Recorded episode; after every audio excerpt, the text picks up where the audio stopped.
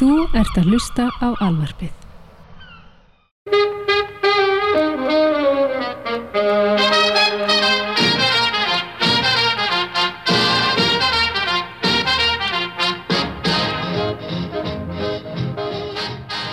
Sælir. Já, halló, sælir menn. Konur. Woo. Menn og konur, Hvað konur að segirðu? fá sér, konur Býtas, ekki láta þér bregða og passa að fá þetta ekki auga eins og þarna einhver Love Island. Já. Halló! It's a party. Og býtu Ú! Æ, fór alveg yfir tölvun og allt alveg. Djöfusins Herðu, konur eru að fá sér. Konur eru að fá sér. Eftir, eftir gríðarlega langa fjárveru Skál. Mm. Skál gullið mitt. Eftir gríðarlega langa fjárveru Allt og langa fjárveru Ekkert pyrrandi ein, eins, og, eins og ein uppáhalds hérna, lýsingin frá mín, þá var hún hérna hún Alli vinkona, hún reyndar viðkennir að þetta frá okkur um öðrum en hún var að, hafa verið að tala um eitthvað sem er gett leiðilegur. Þá hefur hann alveg ofsalega fallega og góða fjárveru Mér finnst það hefði gott. Svo, hún er svo ofbóðslega góða fjárveru ekki nærveru, fjárveru er Heyrðu, að konur eru að búin að vera í burtu Já, ég veit, ég veit, ég er svolítið þarna, maður veit aldrei. Við erum eins og ungan hlustendahóp, við erum svo hipp, við erum svo litti eins og krakkarnir eru að segja dag. Sko þegar maður byrjar að segja þetta þá then you know Ég you're over Þú veist I know, en þú veist, ég er að er taka þetta sko, já, hvað getum við gert sem er cool? Hvað er í sambandi við krakkana? Krakkar hefur að byrja svona Snapchat-profíl, já, gerum svona hundaandlit og við erum Embracea geðtöff. minn innri snemmiðaldra þarf ekki að spá inn einu karakter mjög vel og ég dýrka það. Ég bara, sjúka, sjúki það sko. Ég bara veit ekki til betri stað til að vera á í augnablikinu, heldur en nákvæmlega sem við erum í augnablikinu. Og að taka upp Englarik og það er hérna laugadagurinn, hvað? Það er uh, 30. 31. eða 31. fokkin ágúst. Já, hérna. Kljum að dettin í haustu með smá Englarik. Sáldra því yfir, yfir, yfir aðdándur sem að hafa beðið hérna á Sáldra smá línunni. Hvað langan tíma núna? Það er tvö ár. Það er tvö ár. Nei, við tókum upp eitthvað þegar ég var á Ítalíu, það er ár síðan. Það er ár Ok. síðan. Já, ég er að sko, kannski. já, herðu, ég sé hérna Englarik Mæ, eitthvað, já, Já. ég sé það hérna. En fór það í loft? Uh, whatever. Sko það fór allavega We einhver are Ítalíu þáttur í loftið, veit ég. Ok, shit, ég þarf bara að fara að hlusta á þetta allt saman aftur. Já, ég illja mér við það á kvöldin. Hérna, uh, við erum búin að vera í burtu, það er ástæði fyrir því. Þú, þú varst ekki kona einsömmul og núna ertu mamma, tveggjára lilla mann. Já. að gera allt vitlaust, máni lili. Já. Mhm. Það var bara ekki pláss fyrir neitt meira í lífinu og ég, ég, þú veist, Nei. mér finnst það ekki alveg ennþá heldur en ég er svona að reyna Nei, nei. koma mér út í. Já, já, við bara Já, já, við bara búum til smá litla rútínu sem er bara við okkar fólk veit að við erum ekki vikulega, við bara reynum að vera eins og ofta við getum og stundum með það bara tíu dagafresti, tveggjafnafresti, við bara, þú veist. Það er að nóg að taka, ég meina við erum búin að missa fullt af dóti en samt, Samt. samt vil ég meitt kannski byrja á að ræða nei, ég meitt, ég ætla að mynda að fara að segja það, samt vil ég kannski byrja á að ræða það sem við vorum að tala um bara í svona löfléttu rúmi um daginn er að, hérna það er engar svona stjörnur í dag eins og var í gamla dag veist, það er ekki bara eitthvað svona hafa breyst Brad líka, Pitt og algjörlega, og fókusin hefur siftað á eitthvað annað. Það eru svona þessi stóru svona uh, já hérna, ég man ekki nöfn. Hvað heitir hún? bara hér á Jennifer Aniston og Sem var bara gift Pitt átta sinnum- skiluru og, sem var gift átta sinnum. Já, hvað heitir hún? Jennifer Lopez? Nei, Jennifer Lopez. Nei Elizabeth Taylor. Taylor, Christ. Já, veist, ok. þessi já, já. bragur þegar það var bara, einu sinni voru stjörnur bara svo stórar að og heimurinn, þú veist, upplýsingaflæðið svo lítið að Já. hérna, hver einasta frétt var svo mikil. En núna er upplýsingar svo mikið overload. Að, og allir svo nálægtir þú veist, Jennifer Garner er bara þú veist, alltaf að posta einhverju myndböndum að sér að baka skiluru eru hann svona hluti Já. af þér miklu stærri hluti af þér þannig að fréttina verði ekki einhvern veginn eins svona dramatískar eða magnaðar eða eitthvað Já, þetta er bara alveg mjög hverstarslegt. Þetta er bara óslega mánudagslegt og hverstarslegt og stjörnur eru bara, þú veist, þetta, þetta byrjaði náttúrulega með því við vorum alltaf, þú veist, ég minna á tímabili bara í nýjunni, þá, þú veist, er ekkert nema stjörnur að stíga út úr bílum að fara að klubba og haldandi á Starbucks glösum, þú veist, það var svona mest spennandi það sem að var í gangi þar á milli. Og Lindsay Lohan að kóka sig út í, drast á einhverju klubbabaðherbyrgi talandi um það, þurfum kannski að minnast á hana og gríska sjónvarsdáttin hennar um gríska klubin sem hún opnaði þar, shit! Hvað ég hef ekki séð mikið. Ég reyndar er engin raunveruleika sjónvarskona ég er nú ekki eins djúp í því eins og þú með bachelor og svona. En uh, það er eitt mesta drasl sem ég hef séð og það var svona svo að horfa á bílslis bara í, í, í slow motion sko. Guðmund góður, hún er svo stór verra 65 ára en kona. motion, er? Everybody wants to see it. Jú, það Everybody wants to see it, sko. En ég meina, þú veist, shit, sko. Uh, Já, þetta er náttúrulega, þú veist, fólk er ekki Þú veist, fólk, þetta er svo núansað og það er bara fara inn á Rís Viðurspún bara inn á uh, Instagramin og íta bara á stóriðin og þá er bara hún bara eitthvað Hæ, ég er að fara að kera krakkar í skálan og blablabla, þú veist, þannig að þetta er ekkert svona það er ekki eins og þetta fólk sé bara í einhverjum Óskarspartíum og, og einhverjum galavislum Nei. og bla bla, þú veist, þegar maður er bara með þetta lið bara inn á, inn á teppi hjá manni allan einlangan daginn, maður er aðgang á þeim hvenna sem er, skilur du? Ég veit að það er einhvern veginn bara, hlutinir hafa bara breyst, þannig og það, ég held kannski mögulega er þetta miklu betra fyrir þau, þú veist, að það er ekki svona rosalega mikið intrusion, þótt að sé mikið intrusion örglega, þú veist, en veist hvað ég veit, Já, það er ekki verið að kannski er- Paris Hilton út um allt lengur, mér Já. finnst eins og það hafi breyst einhvern veginn, þú veist, Nei, já, algjörlega. Algjörlega, og mér finnst bara eins og þessi paparazzi stefna hafið svona aðeins einhvern veginn, hún bara sprakkan í nýjunu og 2000 þú veist, in the, in the, in the odds bara, þú veist, 2000 bara var bara gósen tíð.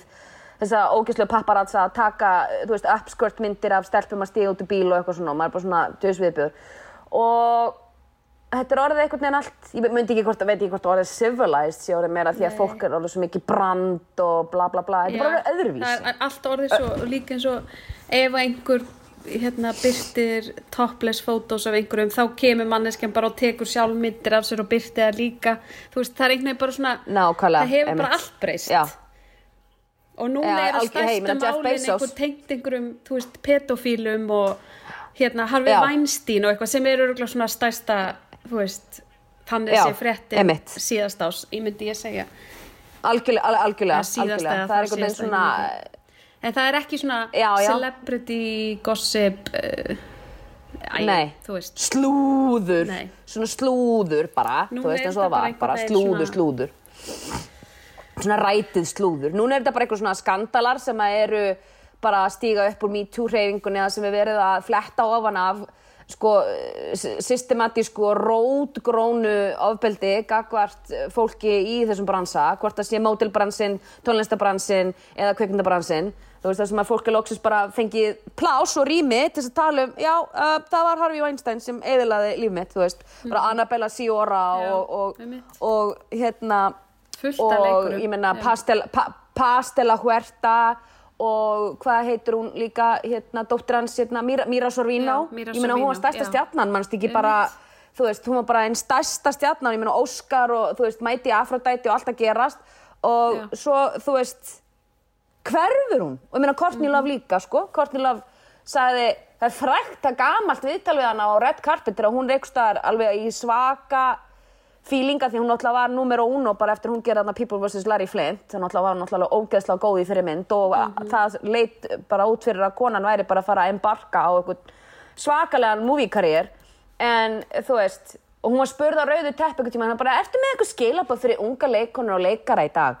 Og hún sagði, já, aldrei ever fa- fara upp á hótelherbyggi ein með Harvey Weinstein. Og þetta sagði hún á rauðum dregli og ég meina hún var bara drei, ég meina hún lék ekki mynd síðan sko. Ég veit en ég meina þetta sagði hún fyrir löngu, löngu, löngu. Og löngu þetta er síðan. ekki einstæmi bara um hann. Þú veist þetta, þótt að hann hafi verið svona notorious hérna mm svíns uh, ógeð Já. að þá hérna skítæl, skítæl, já, já, einmitt. Þá held ég að ég er bara rót- rót- marga pródúsenta þú veist alveg, svona behind the scenes meina ég er skauðra að peningakalla sem eru bara búin að stjórna þessu öllu og, og allt í hennu setja þeir upp og eru bara, ó, ok. Ó, ó, þetta, ó, að má ekkert lengur. Maður, þetta mátti aldrei því miður. Þú veist, þú bara sast í, í, í sætiðínu af, af, þú veist, þú veist, mjög mikið völd, sko, að það var ekkert að gera neitt í því, sko, en ég meina, bara ég bara skora á okkar hlustundur sem ég veit að hafa áhuga þessu, ég meina, það er náttúrulega æðislegt podcast þarna, You Must Remember This, með henni Karínu Longworth, sem ég er búin að hlusta á allt fram og tilbaka, og svo er annað sem að heitir In the, the Dark Side of, og það er einmitt bara verið að tala um það er eitt þáttur, hann er rosalegur. Það er einhver Eddie Mannix og einhver annar einhver svona tveir gæjar sem voru svona eins og bara, lack of a better word, bara svona svo Kerry Washington í skandal. Þeir eru bara svona fixers, Hollywood fixers. Þú veist og bara þátturinn fyrst, ég ætla ekki að spoila neitt, meina þátturinn sem þeir eru að tala um þá byrja bara að fullur annarkvort Cary Grant eða, ég man ekki, ég held að það hafi verið Cary Grant frekar en Clark Gable á annarkvort þeirra og var alveg draugfullur hringjur og bara hælt ég hef strauðað niður eitthvað mannesku Oh, og það bara þátturinn byrja, já, og þátturinn byrja bara svo leiðis og þeir bara, já, ok, ekkert mál, við bara förum í það, þetta er MGM og þá er bara fundin bara, þú veist, fjölskyldan, líkið, bílinn, hann er tekinn, settur á snúruna, þessi leikarinn, hann er bara settur í eitthvað ferðalag, uh, bara þess að, hérna, dry off og fjölskyldan er fundin, hei, við borgum ykkur þetta 100.000 dollara, þú veist, þetta er eitthvað 1930 eitthvað, skiluru, og það er náttúrulega bara eitthvað 7-8 miljónir dollara í dag. Og síðan hérna, er bara fundin einhver uh, leppi, leppur í þú veist, stúdíónu sem segir hei, ef að þú fer í fangilsi fyrir þetta þá sjáum við þig og fjölskylduna bara for the rest of your life. En þú veist, nefnir þú bara taka skellin fyrir okkur í augnablikinu. Og síðan bara fer þessi þáttur í að tala um frækt danspartí þar sem að einhverjar 130 stelpur frá aldrinum 14 til 18 ára voru dressaður upp og held og allar að vera frá leiki kvikmynd. En svo var ekki, það var bara hent inn í eitthvað ógeðslegt tippakallapartí og loka hurðun og ég bara, og, ég get þetta ekki. og ég meina, ég get ekki einu svona farið út í hvað gekk þar á Nei. en ég bara skora fólk að hlusta á það því að var ein stelpa sem þorði að kæra og þeir eðilöðu lífinar í mörg ár. Einmitt. Ég meina, þú veist, þetta er bara rótgróið, systematíst viðbjóðskerfi, skilur og, og loksins bara vera að tala um þetta, minnst þú svo fyndið að heyra suma, þú veist, menn sem að manni þykir væntum, þú veist, sem er eitthvað svona eiguslega bátt með konur er svo mikið læti í konum núna, mér finnst þetta svo óþægilegt. Finnst þetta, mér finnst þetta óþægilegt fyrir mig. Alveg, já, Æ, ok, greið ég veit ekki alveg hvernig ég á Nei. ég veit ekki alveg, ég, þetta þýðir ekki að ef að þeir hafa átt bátt að ég sé mér sé samum það, ef eitthvað þá finnst mér þetta rými sem er búið að búa til núna með MeToo og það allt saman um að allir geti komið fram, ekki bara konur, bara allir mm skilur en ok, ég skal stíga af sápukassanum í augnablikinu en uh, svo getum fyrir að rúlla okkur yfir í Nei, eitthvað skemmtilegt slúður bara, en þetta er alveg, þetta er ágættu punktur, veist, Já. þetta, það er Já. bara, og þetta er Algjörlega. ágættur endapunktur í þessu, einmitt, það er bara, veist, þegar við Já. vorum að hugsa tilbaka slúður, ég er bara svona, eh, ég man ekki eftir neinu spennandi. Nei, það er náttúrulega alls nei. konar litla sögur um eitthvað og hitt og þetta, þetta tali, jú, en, jú, en ekkert svona grandiós eitthvað.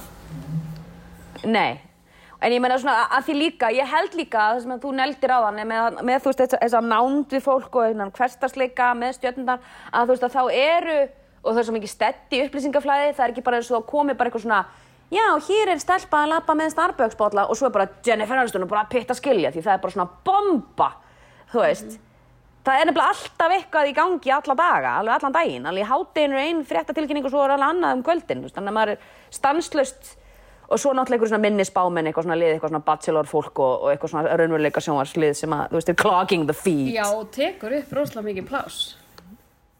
Alveg svakalegt, sko. Það er alveg svart. En við vorum með litla könnun á uh, Instagraminu um uh, hvort að fólk hefði nú eitthvað svona óska topic sem að Rikið ætti að taka fyrir.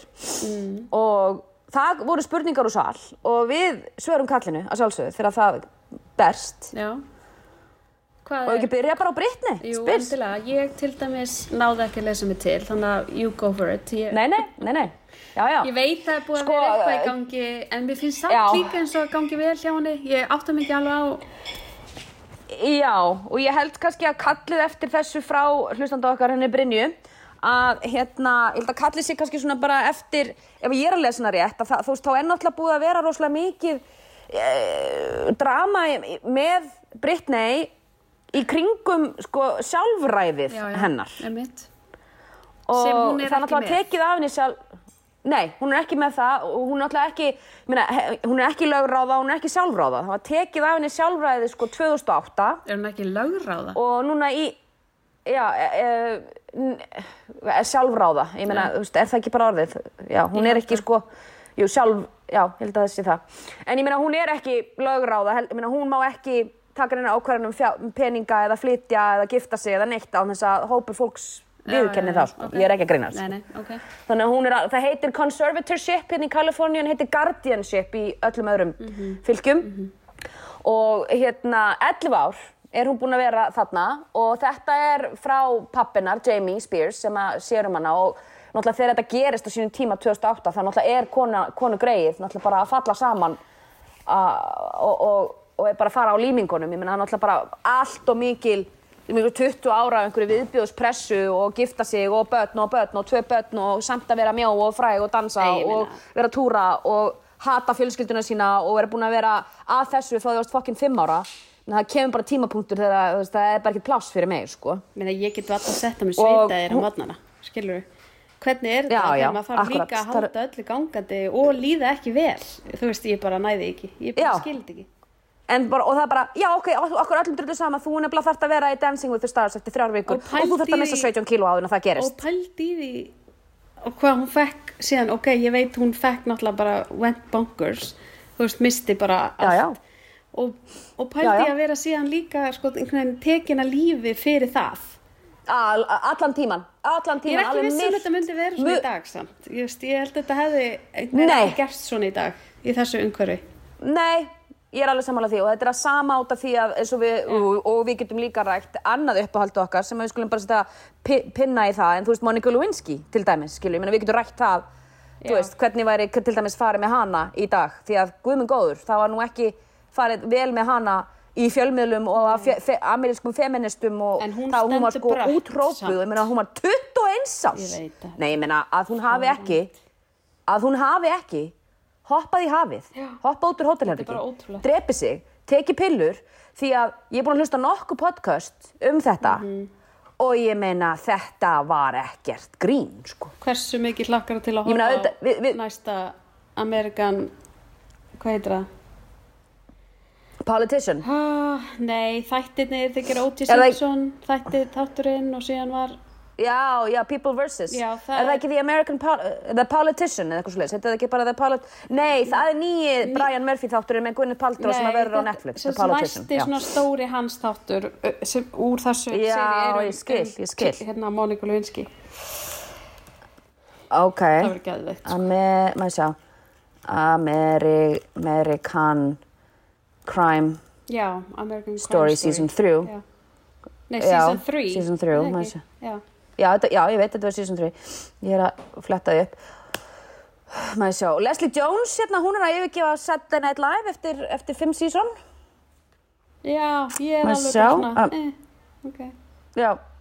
American Crime Story will tackle the Clinton impeachment. Já, ok, mjög gott. Þannig að það verður bara, það eftir að heita American Crime Story Impeachment. Það verður verður...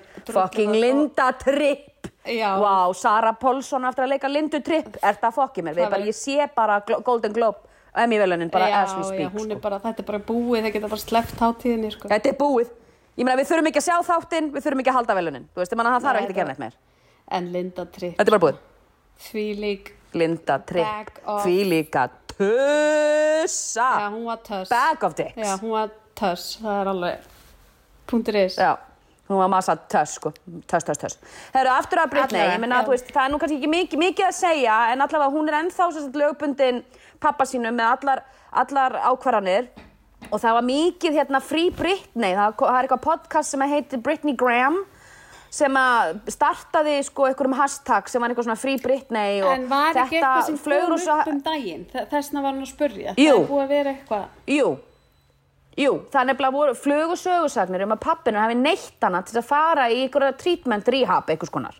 Já. Og sko, ég held að það sé alveg hægt að segja það tæpi tungulegst og að það hafi nú ekki verið sagt sko upphátt en mér skilst og það svolítið er útskýrir svo margt að hún Brittany sé bipolar þannig að hún sé satt með mani og depressífu sem er bara mjög skiljulegt, greiði stelpan og, og sem sagt er á livjum og það, hún hefði farið bara í algjörðu niðurtúr þarna þegar hún rakaði sér hárið og barði bílinn með harnuboltakilnu þegar það, hérna, allt saman, sem er bara hann á 2008 já, sko. já. Ég meina bara í frjálsu falli, allt í steik. Ég meina það er enginn að segja mér að fæðinga þunglindi ekki part af þessu. Hún eignast þarna tvö börn og to back Alltaf með Kevin. Federline. Bara eitthvað bam bam bam. Mér er alltaf að grínast í mér eða, þú veist. Og, og þú veist, það er allt í steik og síðan er það búið og þú veist, pressan og pressan og pressan og ég meina, mér finnst þetta alltaf svo fyndi því að þú veist, eins og ég elska þennan heim, þá er ég alltaf bara svona, pressa fyrir hvern, akkur gerur ekki bara what the fuck you want, skilju. En það náttúrulega eru 17 manns á payroll sem að eru ósamálaðir, þannig að I don't know. Já. En ég meina, þú veist, og, og pappinar allavega, ég meina, ég held að þetta hafi verið gæfuspor, ég að pappinar er ekki ykkur, þú veist, það er ykkur pappinar og ykkur lögfræðingur sem að sita yfir að sjálfræði hennar í dag, af því ég er alveg vissum að þeir hefði ekki gripið inn, hún hefði ábyggilega bara, sko, pissað öllum auðinum sínum frá sér, sko. Og þú veist, að því að hún var svo impressionable, þú veist, ég meina, hún var alltaf bara í kringum einhverja, það kom alltaf einhverju gaurar, einhver svona, eins og við segjum, Sven, Sven Jolly. Einmitt. það kom alltaf einhverju svona Sven Jollies þetta er, er Seinfeld brandari ef þið er ekki með á nátunum uh, hérna kom alltaf einhverju svona gætum Sven Jollies og skemma þú veist, hei, og svona kvíslega hei, við skulum hérna bla bla bla bla og þannig að hún var alltaf bara, já, gerum það og var sem bara komin í ykkur af vittlusu með einhvern nýjan kærasta sem að þú veist, þú er búin að þekka henni í korter Já. og hún, mannst ekki, hún gifti Jason Já, já, já. Alexander eh, Einmitt. og þú veist og, og Sam Lutfi sem var eitthvað Oj. tipp, svita er, ógeð. Sko, fyrir utan hvað hann var ógeðislega ljótur að ógeð. það er einhver orkan í kringum og ég meina við erum ekkert í að seima neitt sko. Nei, nei. alveg sko, djúb svita, ógeðis, horror. Ekki með her best interest at heart sko, ekki til dæminu sko. Nei, Þannig að Pappi Spears, Jamie, hann bara hendi sér í þetta að taka sjálfræðið að dömunni og mér skilst að núna, þú veist, það hafa allt farið í steik og frí Britney því að hún átti að hafa verið læst inni og þess vegna kom hún sjálf á Instagram núna í sumar og bara, þú veist, Hi kids, I'm fine. Og það er alltaf læg með mig og ég er ekkert á okkur hæli og ekki neitt og ég var ekkert lokuð inni og það er ekki hafa svo miklu ágjur af mér og dada sem að, þú veist, hún sagði mér bara, mér finnst ég þurfa að hreinsa lofti því það er aðeins svo mikið af vesenni í kringum í augnablikinu og þú veist, þetta er ekkert svona og, og ég meina þá náttúrulega byrjar önnur slúðumillan bara hún er víst þannig og bla bla bla. Og ég er búin að lesa mig mikið til um þetta bæði um að pappinar hafi viljað setja hann á hæli eða að hún hafi viljað fara á hæli og pappinar hafi ekki viljað að hún fara á hæli. Þannig að veist, það er en- en- engum það er ekkert conclusive um þetta nema ég meina hún er greinilega bara ongoing he heilsu heilsu, hún verður bara að fókusa svolítið á heilsuna sína, hún er náttúrulega búin að gera rétt. Ég meina, hún var bara með sjóið þarna í Vegas, hún er búin að grósa alveg 140 miljón dollara að vera bara með residency þar, Já. það þarf náttúrulega ekki að túra Nei, einmitt. og getur verið með eitthvað svona stabilitet svo erum við sig kæró og, einhvern, einhvern youngin. Einhver hún er með eitthvað boy, youngin og hún greið, hún aðeins búin að fykta svolítið andlutin á sér. Hann sé það. Já, aðeins svona eitthvað aðeins. Já, já, og hún var að sér dökk, hún var eitthvað, hún var eitthvað að lita sér dökkhara núna í vikunni og eitthvað, mér finnst hún alltaf miklu sætt ef hún er blond. But I'm partial, ég meina, hvað getur sagt? Britney Spears boyfriend. Það er einhver, ég meina, please það, Það er er einhver einhver Sam. Ashgahari já, ég held sem einhver Já, dansari. er þrjá, þrjá, hún er 37 ára, núna okkar kona er 37 og hann er 25, hann er model man. og Sam is Sam Ashgahari. What do you need to know about Britney Spears boyfriend? Æ, ég meina, hann er voða huggulegur, ég er bara vonum sér glöð, elsku stelpan, hún er ekki Ég, að breyka ógislega lengi. mér finnst þetta að líta vel út ég upplifi eins og hún sé bara í góðum ég, gýr já, ég er bara að vona það líka. I had butterflies, segir Sam Ashgahari when he meeting now his now girlfriend Britney Spears. Og hérna, ok, þannig að þau eru búin að vera saman eitthvað og bossi. Og já, æ, stelpu kettlingin.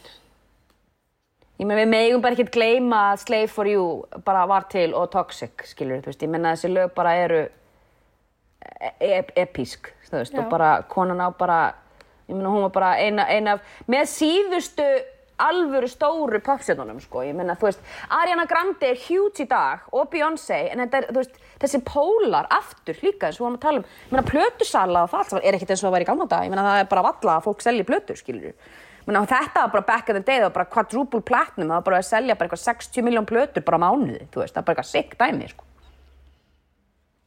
Ok, kannski ekki mánuði, en þú veist, það var allavega fjóra, sex miljónir platna bara seldar á fyrstu helgi, sko Já, já, við mynd. Núna eru allar tölur komna niður, ég meina Taylor Swift var víst að brjóta öll með núna með nýju plötuna sína Lover. Ég veginn bara hef bara svona... Hvað er það með Taylor Swift? Hvað er það hef með Taylor Swift sem er eitthvað svona henni. Mér miss? finnst það svo óspennandi. Hún er svo vanilla. Hún er massa vanilla. Bara ekkert spennandi við hana.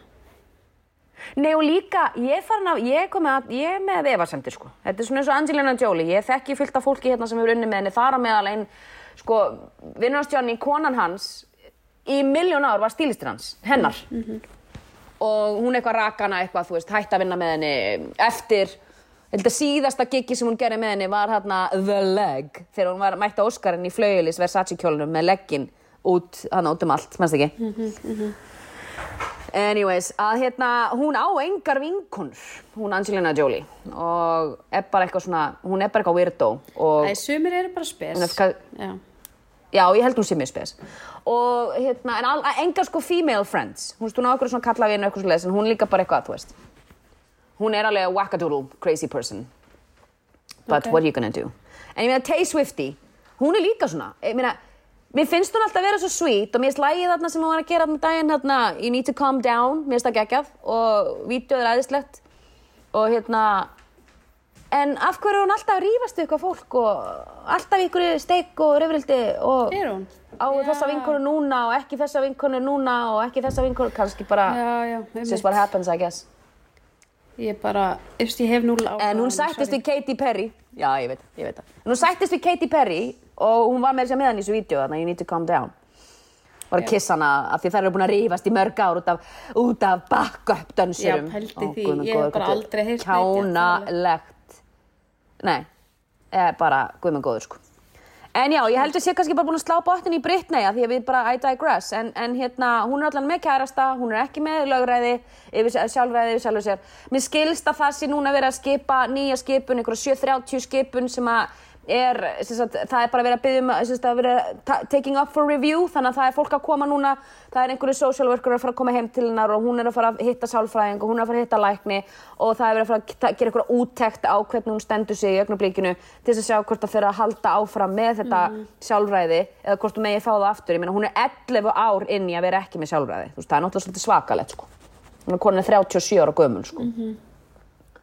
Einmitt. En uh, það er það sem við höfum um hana að segja. Nú, næsta mál á dagskrá sem að var beðum, á nú kannski ekki mikið um það að segja, hann er bara pitt og tattúin. Já, hvað var það? Hann fekk sér eitthvað hann er alltaf með miljón tattú. Já. Já, hann, hann fekk sér nýtt tattú sem hans allir sá núna á hérna, Feneyjar, uh, Feneyjar, hérna, Feneyjar uh, kvikmyndaháttíðin í Feneyjum og þetta er einhver svona maður sem að stendur á svona skuggin af manninum, eh, svona fellur fyrir framannan og þetta er hliðin á okkur tattúi sem að hann er með sama tattú Angelina Jolie sem bæðu eru ekki ennþá búin að klára hann fucking skilnað, sko. Já, hvað er að frétta með það? Hver er, hvað Ég, er hún að gerast? ekki sko þau náttúrulega sótt um skilnað 2016 og það fer allt í steik. Og mannst ekki, it turned ugly real fast. Ég meina já, Jolie já. var bara að segja hann hafði lam- tuktað til barnið þeirra í, í flug, enga flugvél og hitt og þetta og það var damage control og, og hún var að ljúga þessu. Síðan var hann með sko Amy Wasserman sem er bara eitt svakalesti hákallinn sem er skilnaða lögfræðingur uh, hætti að vinna með henni og byrja að vinna með öðrum lögfræðingi sem er sko líka eitthvað svona crazy en mér skilst á á bransatalinu að bara, þú veist, lögfræðingurinn hennar hafi bara, bitch you too crazy, skilur ég, menn og hún bara, og þetta er svona lögfræðingur sem að sérhæfi sig í celebrity divorces og fannst bara Angelina Jolie vera bara eitthvað unreasonable. Því að, þú veist, Jolie, svo er tala um að Jolie vill ekki skilja en hún vilja skilja en hún er samt svo þannig að, þú veist, þegar þú ert komin á skítalistan hennar Jolie það bara ferða aldrei af honum aftur, þú veist, hún bara hún mun aldrei líta um öxl bara. Bara þegar hún er búin að klippa þig út þú veist, hún the, the car is not gonna pause og það kemur ekkert eitthvað svona Hún er bara eins og þú. Ryan, bara alveg svo ég bara líta aldrei með Ah, ég er búið búið. með glasa freyðvinni, núna er ég bara að fara að skella í brandara, sko. Glugg, glugg, glugg, glugg, glugg, glugg, þetta. ræ. Ræ, ræ, ræ. Við erum svona tveimur glösum í burtu frá Copenhagen Showboat. Copenhagen Showboat, yeah. Nei, byrju, ég náðu, ég sagði þetta ekki náðu þér.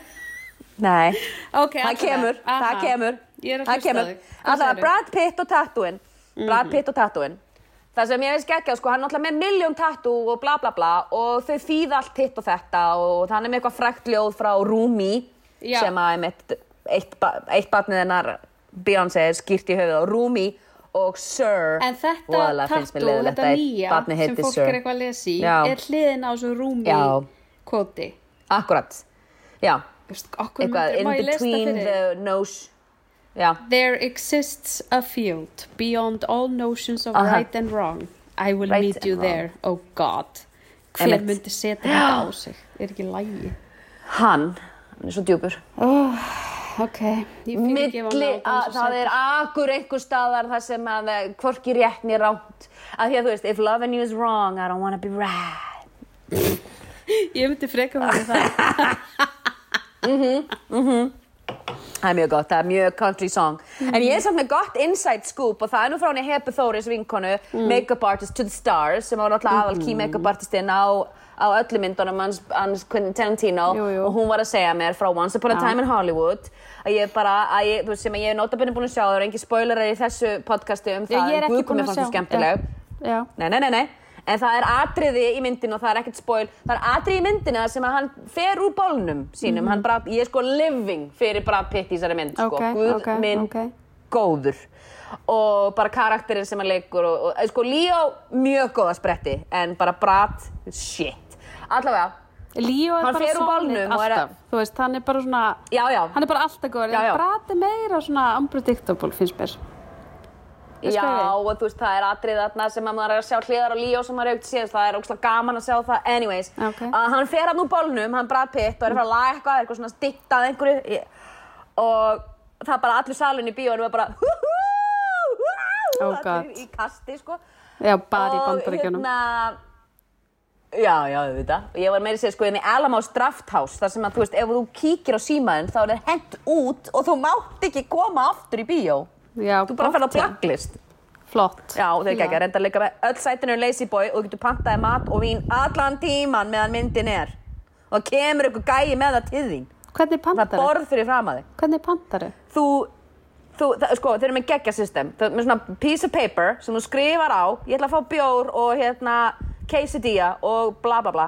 Og síðan setur þú brefið í svona stand þannig að þá stendur það svona upp úr þannig að Já. eitthvað stendur fyrir aftur þá sjá þeir að það sé komið ný pöntun. Þannig að þá hlaupa gæjar í svörtu fötum, svona eins og mime actors og grípa pappirinn, Já. bjór, ba ba ba, Ok. kvísla sko við hliðina. Væri það betra að þetta væri svona bara order system, bara þú setur inn eitthvað svona dit, dit, dit, dit, dit, dit.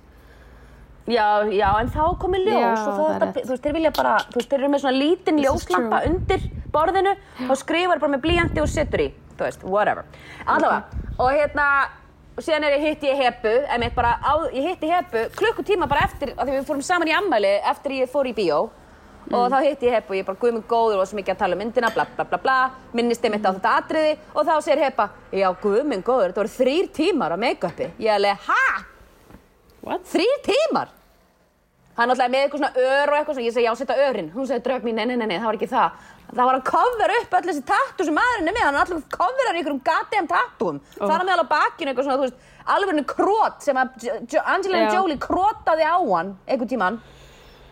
Og, Þau hafa var verið svona áður sig. eignast þessi börn. þá hafa þau verið svona bara Já. alltaf making love. Þú veist, það hafa bara búið Þau voru alltaf að því.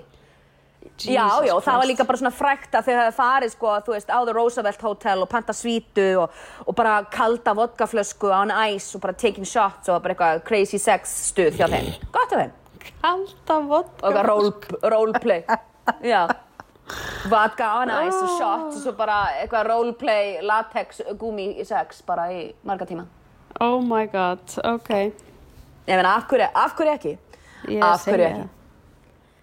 Og hérna, já, og hérna, já, ég sagði það, djöfull hefði ég vilja koma inn og aðstofa þarna með þessa grueling þrjá tíma að setja make-up á torsoen á Brad Pitt. Erstu að fokki mér það, ég er bara svona ok bye. Einmitt. líka verið rosalega góð í því. Anyways en uh, já, Brad Pitt og Tattoo það eru nú ekki mikið meira um það að segja. Hann alltaf bara er coverur í Tattoo sem eru ykkur krót frá Angelina Jolie og ble ble ble en svona stærsta fréttin með skilnað so far á þessu ári er ábyggilega Miley Cyrus og, og Liam Hemsworth. The other Hemsworth. Já, ég eru veit ekki af þrír, hverju, þeir mér eru finnst víst þetta ekki spennandi en alltaf, ég, þú veist, það sem Nei, ég finnst leiðilegt við þessar fréttir er, hann lítur út fyrir að vera stand-up gaur, ég veit ekkert um hann, þú veist, Já. hann lítur bara út fyrir Nei, að nei, vera nei, svona, þeir allir, bara svona, já, hann er bara Ossi bara eitthvað Ossi, Down basic Under, gæi. Shrimp on a Barbie, eitthvað, þú veist, Já, salt já, í jarðar já, típa, já. eitthvað. akkurat, akkurat Og svona eins mikið og getur orðið í Hollywood. og Einmitt, síðan er hún bara komið einhver ný, einhverja nýja píu strax ég veit ekki, og svo er það kannski Já. löngu búið, I don't know, ég veit ekki neitt Ég meina löngu búið, búin að giftur, ekki eins og búin að gift í ár, þau gift í desember. Já, Þau búin að svo- gift í ykkur uh, sjö er mánuð. það ekki bara klassíst búin að vera saman í einhver tíu ár. klassíst að gifta sig þegar allt er búið er það ekki bara svona, og svo skilur fólk strax Jú, e eða gifta sig þegar þetta er löngu búið og þau eru búin saman í tíu ár, hætta saman, Mm. svo náttúrulega lendur hún í hérna hrikalega hérna, hérna eldinum sem að var nýr í Malibu og húsið hennar brann með öllu sem hún átti bara, brann allt og þau byggu það saman náttúrulega. Þannig að ykkur, og hún sagði, I called him eitthvað my burn buddy eða eitthvað svoleiðis, hún sagði eitthvað svona trá, trámavinnur eða eitthvað svoleiðis, því að þegar allt brann að þá kom hann aftur inn í lífinar því að hún var búin að vera bara eitthvað allsber á wrecking ball og bara nota síru og hanga með Wayne Coyne í Flaming Lips og vera bara úrslega mikið að reykja gras og, og þegar hún byrjaði aftur með honum þá bara klætt hún sig í öll hvítt og var úrslega earthy og fór bara back to country og hætti að reykja úrslega mikið gras og og sagði ég er búin að hrista á mér þetta djam tímabil og nú þarf ég bara aðeins að slaka á og þetta er að rétta fyrir mig og ég elska hann og við ætlum bara að gifta úr þannig að ég meina og ég kefti þau alveg því að mér fannst hann einmitt góðu fyrir hana þú veist, ég elska Mæli mér finnst Mæli snild sko. Ég, mikið, mikil Mæli kona. Mamma. Oh, hann er komin heim sko hérna. Hann er komin hjemme på og já. Og hérna skal ég segja hérna að- svona leitt að sjá en ég held náttúrulega bara að hún er bisexual eða lesbía eða whatever. Hún er eitthvað starfna á skalanum eitthvað hún er bara eitthvað fluid. Það er bara já, hjá hún er mjög fluid og bara gott hjá henni. Og þannig að kannski er ekkert málið að kannski að vera gift þá. Já, En ég sá hana á VMAs, hún var að syngja hana á hérna, Video Music Awards. Ég meina, konan getur, þú veist, þú getur sagt ímislegt um Miley, sko. Hún fucking leit út eins og miljón dólar, hún er aðeins svo grönn, Já. hún er rosa grönn, hún er Rosa er svo löng. já. Hún er rosa grönn í augnablikinu. Hefur náttúrulega alltaf verið svolítið grönn, ég meina, hún er mjög grönn í Wrecking Ball og það allt saman. Hún var ekkert eitthvað, svo- þú veist, hún hún var grönn í Hannah Montana. hún er rosa fitt líka Hún Já, er bara, já, hún er svona svo sér hlaupara fitt, sko, þú veist. En hún er rosa, rosa grönn, hún er ábyggilega ganga á hana, hún sé að skilja og svona, já, hún er myndið hérna, hún syngur live og ég meina þú, fólk getur sagt ýmislegt um fucking Miley en hún bara fucking slátrar þessu í hvert einasta sinn, sko. já, ég, hún, er, hún er fín söngkona sko. Ég fíla hana líka sko. Ég Já, bara- hún, hún getur, mér lagið þarna sem hún gerði við Marko Ronson alveg geggjað, já, sko. það er fínt. Já, hún er bara Vídeoði geggjað og hún er bara fín Nothing en ég, like ég var samt ekkert eitthvað þau skildu sko, ég var bara eh, whatever ég var smá svoleiðis, ég var smá svoleiðis, ég var smá, já, Mm. að því ég var, I was rooting for them, sko, I was rooting for them. já, já, já I was rooting for them kids. I was rooting for them kids. Og mér fannst það bara, þú veist, ég er alveg, að það er mæli, þannig þannig að ég fíla hana, svona, þú veist, ég bara glöð, en það er eitthvað svona, núna náttúrulega er eitthvað svona slúðusögur um að, þú veist, að hann hafi verið svolítið mikið fullur og hann hafi verið að geta pillur, Ó. eða hún, eða hann, eða whatever, og þú veist, og ég veit ekkert hvað því er satt, sko. Ég, ég, ég sé hann ekki fyrir mér vera pilluétandi, en ég sé hann fyrir mér alveg bara raðdrekka Fosters kannski, en ég meina, I don't know. Ok. What do you know? nei, Af því hann er bara eitthvað svona surfer dude, hann er, hann er bara svona basic, hann vil bara vera hestbaki og fara á snjóbretti og, og sjóbretti og call it a day, sko. já, einmitt Uh, en var eitthvað annað að frétta eða já, ég meina, þú veist, það er, ég vildi óska þess að við væri með svona sjómanns svona eins og við værum svona útastáttur á, þú veist, svona morgunþáttur sem væri með svona takka. Og nú af Who the fuck cares fréttum til dæmis. Sem að þú veist að ég, ég las þetta, ég var að leita einhverju svona nýju meðan ég áður en ég spjallaði við þig og það var eitthvað svona Josh Du- Duhamel og Fergie Ferg eru ekki búin að skila inn pappirunum til að klára skilnaðin sinn. Og þetta er bara svona, wow, hvað mér er sama. Einmitt, geti ekki verið meira saman bara svona, guys, þú veist bara hate to tell en you. okkur er hún ekki lengur í Black hérna Eyed er að Peas. öllum- hvað gerðist? ég veit það ekki. I don't know. Ok, og og þú veist hérna og eitthvað, þú veist, og Sofía Vergara er einhverjum vandræðum núna því það er náttúrulega Hurricane Dorian sem á að vera hana niður í Florida eða eitthvað þar. Mm. Og hún hefði lent í einhverjum skít út af því að hún hefði verið að stinga af í private hérna flug og er allir eitthvað svona, ég veit þetta ömuleg uh, já, ok, alltaf leið nú, ha, uh, já, já, já, já. að því hún stakkaði í enga flugvel og það er allir að gefa skýtt í það mm. Nú, uh, prins Andrew, þú ætlaði nú eitthvað að tala um kongafólk, ég meina prins Andrew, er hann ekki ykkur steik út af Jeffrey Epstein? Jú, ég hef reynda bara ekkert kynnt mér þetta Epstein-mál. Eina sem ég veit Nei, er að það er einhverja ó, konur að ó, segja að hann hafi verið way too involved Já. og tekið þátt í einhverjum svona ógíslegum partíum þar sem að ungar konur eru basically bara að vera misnotaðir. Það er það sem ég veit. Já, það er bara verið að, já, já, já, já, ég meina Jeffrey Epstein, já. sko, Nei, ok. já, já, segð mér. Ég bara verð. Ég verð að taka smá Já. bachelor. Ég held líka að fólk kunna með me, þetta. hit me. Sem sagt, Ok. það var strákur í bachelor nei, bachelorette núna síðast sem lendi hann hvað var þriðji gaurinn til þess að detta úr lestinni þú veist, sem sagt, loka gaurinn rosalega myndalegur, Mhm. Ég Tyler Ok, alright, alright. og svo valdi bachelorette pían, þú veist, einhver Jed Býtu, hann var ekki hann að lígarinn, nei, það var einhver sem hitt hún Luke. valdi hann og hann var einhver, þú veist, bara það var bara Nei. eitthvað að honum, sko, jú, jú Ég meina, hann er síkopati, já. Já, hann ok. vildi bara vera með henni, þú veist, til þess að launch his career in Nashville, eitthvað, bla, bla, bla. Að sjálfsögðu, að sjálfsögðu. sem að margir gera og allt er góð með það en allavega þetta enda einhvern veginn þannig að þessi Tyler Gaur kom í lokaþáttin og það hann var bara svona þú veist, það er alltaf svona ein típa sem allir elska þú veist og hann er Já, bara svona hann já. var bara svona mega feministi, ógislega myndalegur rosalega myndalegur, þú veist googla hann. Aha. Tyler Cameron. Já, er svona American Handsome. já bara meina, too much. Hann er svona, Ég sé bara, ég meina, ég sé fyrir mig bara svona Nei, hann kjálkamistara er svona, strax. hann er svona James Dean típa þú veist, hann er model og hann Einmitt. er bara too much. Hann er too much. er hann er alltaf hey er girl. Og ég alltaf bara hú. Þú veist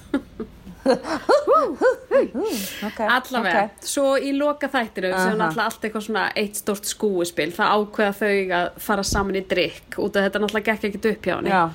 og svo eru til einhver svona myndir af henni að eh, honum að fara út heima frá henni daginn eftir veist, þannig að Aha. þau hafa eitthvað verið saman eða eitthvað en Alright. hann er náttúrulega bara svo og þú er náttúrulega vilja allir að hann sé næsti bachelor nema hvað, minn maður er bara svo mikið Já. stjarna og svo mikið í dyrkan að hann er bara að deyta Ok. Gigi Hadid takk fyrir Emmett, Emmett, Og Emmett. það- Hann er bara að koma með top shelf, top shelf pussy on his arm. já, ég meina, þú veist, þú ferð ekkert aftur í hana uh, reality TV að vera, eftir þetta vera með eitthvað neðst í stiga þú ert ekki að vera neðst í stiga í tröppunum því neðst í tröppunum að hanga með einhverju hena bullshit squeeze skilur nú bara beint í beint í sko, hann supermodel hefði verið on. sjónvarp hefði hann tekið hitt, skilur en I don't blame him, ég myndi líka vera með Gigi Hadid ef ég skilur já, já, já, já. Já, bara- top shelf tinky. Ha, top shelf tinky. Já, já, já, algjörlega. Þannig að þau eru bara eitthvað going strong og voru bara í einhverjum partíum eftir hérna VMAs og eitthvað þannig að það er allt að nice, gerast þannig að það eru svona, Já, það eru svona lítur- tvær hann- típur já. hann og síðan er hérna strákur sem heitir Adam Wells hann byrjaði með þarna já, hann var í þessum þáttum líka, hann byrjaði með þarna Söru Hæland þarna í Modern Family já, já, já, já, Modern. Family, Emmett, Emmett, Emmett, Emmett hann er líka bara svona mega þú veist, diggan í tætlur típa Nice guy. Já. ok, ok fyndið sko því að hérna Emmett, hún fekk nú svona svolítið slæma útreið hún hérna Sara Hæland fyrir að vera dífa og með vesen og eitthvað svona og hérna í þessum þætti. Ok, og svo svo fyndið að hún hérna Ariel sem að leikur hérna lúðasistir hennar já, þú veist sem er svona the dorky one að þú veist síðan er hún bara helst bara í tannfræði út á götu bara Já, já, better já. deal with this. Eh, bara how bring your ass. Hún er þar sko og bara gott hjá henni, fínt hjá henni. Ég meina, celebrate that body, celebrate yourself. En svo fyndið, að því hún var svo mikið svona. Einmitt. Lúði í sjónvarpinu og er svo bara, uh, þú Það er veist fá a útrás lady in the streets Já. but a freak in the bed. Eins og eins og Össur segir hjá henni. Gott hjá henni, æðislegt meira áttur, frábært. Uh, Jeff Bezos hann Ha. er náttúrulega hann að ríkasti maður í heimi, Jeff Bezos. Já, já, já, já Æ, fyrir ekki, ég segveið þið bara. Erum við, er, Nei, erum bara við búin að klára for svona að it, tala um? go for it.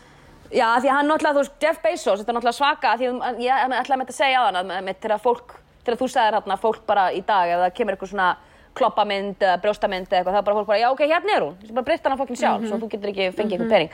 Manst ekki, það var eitthvað svona, því að hann náttúrulega skildi og er ger- by- byrjað núna með þessari kæristu sinni, Lauren Sanchez, sem að var sko, bara eitthvað svona, Fox 11 newscaster, sem er núna bara með Jeff Bezos, hann var bara putting the nasty on her on the side eftir að hann búin að vera giftur sko konunni sinni í eitthvað 28 ára eða eitthvað.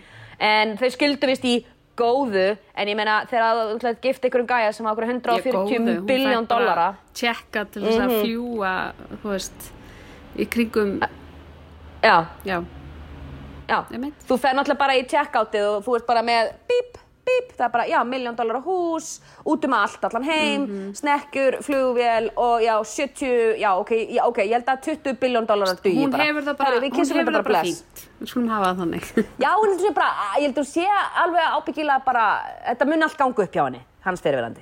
Mun bara ábygg- ábyggilega vera Hún allt í mun lagi. alveg jafna sig En, já, hún mun jafna sig. Hún mun gráta sér í svefn og, og, og þurka tárin með þúsund dólarasæðlum, sem ég veit ekki eins og hvað séu til, en ok. En allavega, þau eru alltaf eitthvað í sleik út um allt, hann Lauren Sanchez, sem er náttúrulega eitthvað hot mamma síta með tits og alla græður, sko. En ánað með hann, sko, að því leiti, hann sé alveg gríðarlega ósjarmirandi típa, hann Jeff Bezos, að hérna, að hún er svo, þú veist, þau eru svona cirka jafn gömul, ég er ánað hann er ekki með eitthvað 19 ára eða eitthvað svona bull, skiluru. En þau svona ákvaðu að hafa Hún er búin að gaman láta bara svona til þess að hafa gera það eitthvað næs. við andlita á sér, er það Það ekki? er aðeins búið að, já, ég meina, hún var, hún var frétta, hún var fréttakona, skilur, ég Ég meina, var bara fréttakona í að googla Kaliforníu. ég bara, æ, ó Já, Æ, æ. einmitt, það er svolítið mikið búið að nipp tökka þarna, sko, alveg svoleiðis. Já, Já, já, já, það er alveg allan daginn, sko. En hérna, já, og þau eru núna eitthvað að leika sér á, á hérna, þau eru á snekkjunina daginn von Föstenberg að hafa það næs Mm. og, og hann er ábyggilega í sömu sundskilinu og á búið að taka myndir á hann 17 sinum í sömu sundskilinu og allir að gera grína Jeff Bezos því hann er svo ógislega ríkur og hann er alltaf í sömu sundskilinu. Uh, en þau svona til þess að byrja bara sambandið á réttum nótum að þá er náttúrulega bara keiftuð 80 miljón dollara íbúð í New York. Ég meina af hverju ekki? Maður verður nokkst að hafa plást til þess að halla höfði skilur ah. jú, jú, ég meina það er náttúrulega möst að höfði. Ég meina þau verða að vera einhvers staðar. Já, verða að vera einhver staðar. Ég meina þú veist bara til þess að geta uh, bara sest niður og, og hugsað um daginn og svona ha. en hann allavega gerði þetta þarna um daginn manstu, það var eitthvað tabloid editor sem ætlaði að byrta sko, að því að það er náttúrulega búin að vera sko, sexting og senda einhverja myndir af drólanum á sér og eitthvað svona til sko, hennar. Og það ætlaði einhver National Enquirer eitthvað sem er náttúrulega allir, þeir eru allir vinnir hans fucking Donald Trump þessir ex, þetta Þessi lið. og hérna, já viðbjörn og hérna, já og sem sagt hérna, ú, mér datt eitt í hugsa við um þurfum að tala um uh, og ég er að lesa það núna. Uh, hérna, að meðan við erum samt að fara að klára þetta. En hann sag, sagði bara ok, fine, þú veist, mér er drullu sama ætla bara byrta hérna Gerði það? myndir sjálfur og ger, já, hann gerði það bara. Býtu, akkur hefur þetta hann sagði það er engin, það er engin að fara að kaupa þess ha Já, pældi hvað maður er orðin gamall núna, eða gamall, pældi hvað maður er orðin settlur. Ég einhvern veginn fann þetta og klikkaði eitthvað link og svo var þetta ekki alveg nógu skýrt, þannig að ég svona, ég kláraði ekki einu sinni að skoða það til þess að detta inn á his dick pics, en ég meina, I don't know. Ég bara, horfir á andlita á honum og það er, þú Ég veist, held ég meina, að ég er nú einhvern veginn að, mjög líkt andlitin á honum andlitin á honum. Ég held að sé alveg eins, hann er með eitt svona lazy eye og ég held að þetta sé alveg, hann er alveg eins og drjóli í framann. Byggilega the same En happening downstairs. hann þetta í alvörunni? Oh boy Já, ég Ég sé þetta, jæja já. Ó. Hann er Jæja, góðan þessi Æ, ég ætla ekki, ég vissi Herru, það er live Hann var að hann Hvar, var að- hvar fannstu? Hann var að hérna mjög stífur Oh boy. og beint til hægri sko, hann bara bing, þú veist það var bara hægri beigja alla Hann leið er bara sko. Gentleman, gentleman dresses to the right. Ok. Já, það er eitthvað sjá, hva, og byrju, hvar fannstu þessa dick pic hérna? Þú Dick pic. Tjöfullin, núna, Ég- núna ég, vil ég vissi sjá ekki, ég vissi ekki ég væri fara að opna þetta sko ég bara það bara með. kom bara bein Images, ef ég fyrir Google Images Has a, Er það með stóran dröla? já, ég, þetta er fínt bara þú veist oh, Æ, þetta er hjá ég get ekki talað um því þetta er ekki lægi, sko, þetta er alltaf lægi hvað er nei, annars? Ó, Þetta er það sem að englarík hlustundur eru að borga okkur engan pening fyrir að tala um Þetta er svoleið ha. En nei, það var eitt hérna Ég held að sé samt alveg eh, eiginlega á alla hægt að byrja að tala um eitthvað nýtt Nei, finnst þetta svo gott já. að hnykkja út með þessu jú. En ég ætlaði bara að tala um hann að Sönsu Stark náttúrulega og okkar konu, Sophie Já. og að hún hefði gift sig og það náttúrulega verið Tökum það bara næst En náttúrulega við erum allavega við dýrkum hana ef að fólk er eitthvað já, já, já Hefur ykkur ágjur því hver okkar staða er gagnvart þeirri konu? Herðu, absolutt, herðu, það eru 50 mínútur bara í fyrsta þætti, þú er ána með ykkur. já, þetta er flott Ha?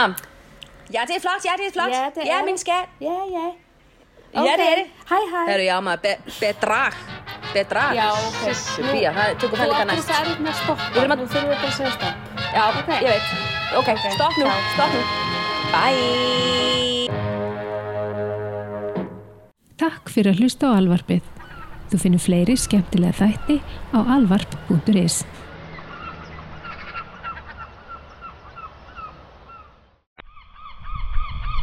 Þú ert að hlusta á alvarpið.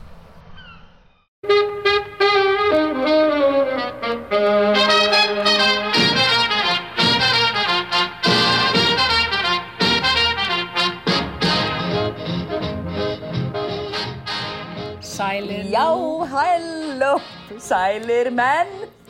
konur Woo. Menn og konur, Hvað konur að fá sér, konur. Býtas, ekki láta þér bregða og passa að fá þetta ekki auga eins og þarna einhver Love Island. Já. Halló, it's a party. Og býtu. Æ, fór alveg yfir tölvun og allt alveg. Djöfisins. Herðu, konur eru að fá sér. Konur eru að fá sér. Eftir, eftir Skál. gríðarlega langa fjárveru. Skál. Mm. Skál gullið mitt. Eftir gríðarlega langa fjárveru. Allt og langa fjárveru. Ekkert pyrrandi. ein, eins, og, eins og ein uppáhalds hérna, lýsingin frá mín, þá var hún hérna, hún vinkona, hún reyndar viðkennir að þetta er frá okkur um öðrum en hún var að, var verið að tala um eitthvað sem er gett leiðilegur. Þá hefur hann alveg ofsalega fallega og góða fjárveru. Mér finnst það hefði gott. Svo, hún er svo ofbóðslega góða fjárveru, ekki nærveru, fjárveru. er þú konur eru búin að vera í burtu. Já, ég veit, ég veit, ég er svolítið þarna, maður veit aldrei. Við erum eins og ungan hlustundahóp, við erum svo hipp, við erum svo litti, eins og krakkarnir eru að segja í dag. Sko, þegar maður byrjar að segja þetta, þá, then you know Ég veit það, you're over, þú veist. I know, en þú veist, ég er er að taka þetta sko, já, hvað getum við gert sem er cool?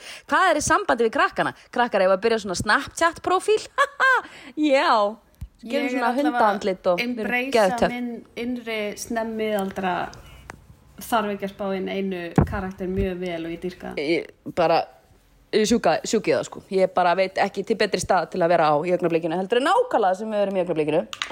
Og að taka upp englarik og það er hérna laugadagurinn, hvað? Það er uh, 30.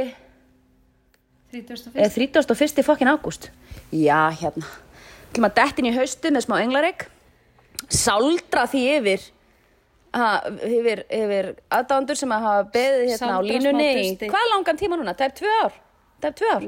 Nei, við tókum upp eitthvað þegar ég var á Ítalíu, Jú. það er ár síðan. Það er ár Ok. síðan.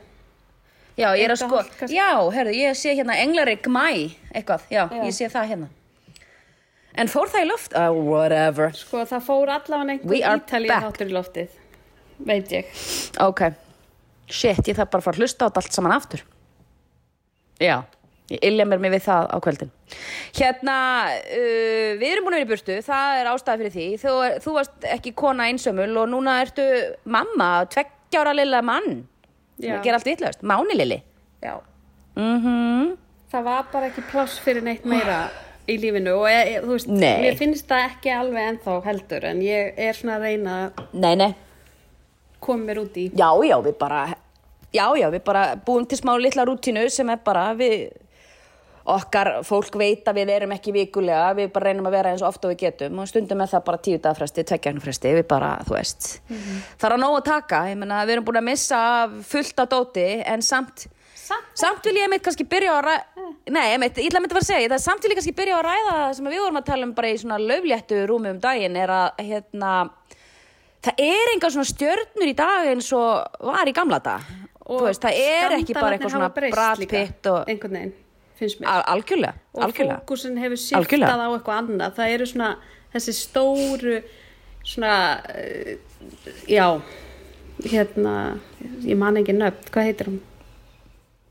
Bara hér að Jennifer Aniston Brad gift Pitt skiluru og, sem var gift átta sinnum. Já, hvað heitir hún? Jennifer Lopez? Nei, Jennifer Lopez. Nei. Elizabeth Taylor. Taylor, Christ.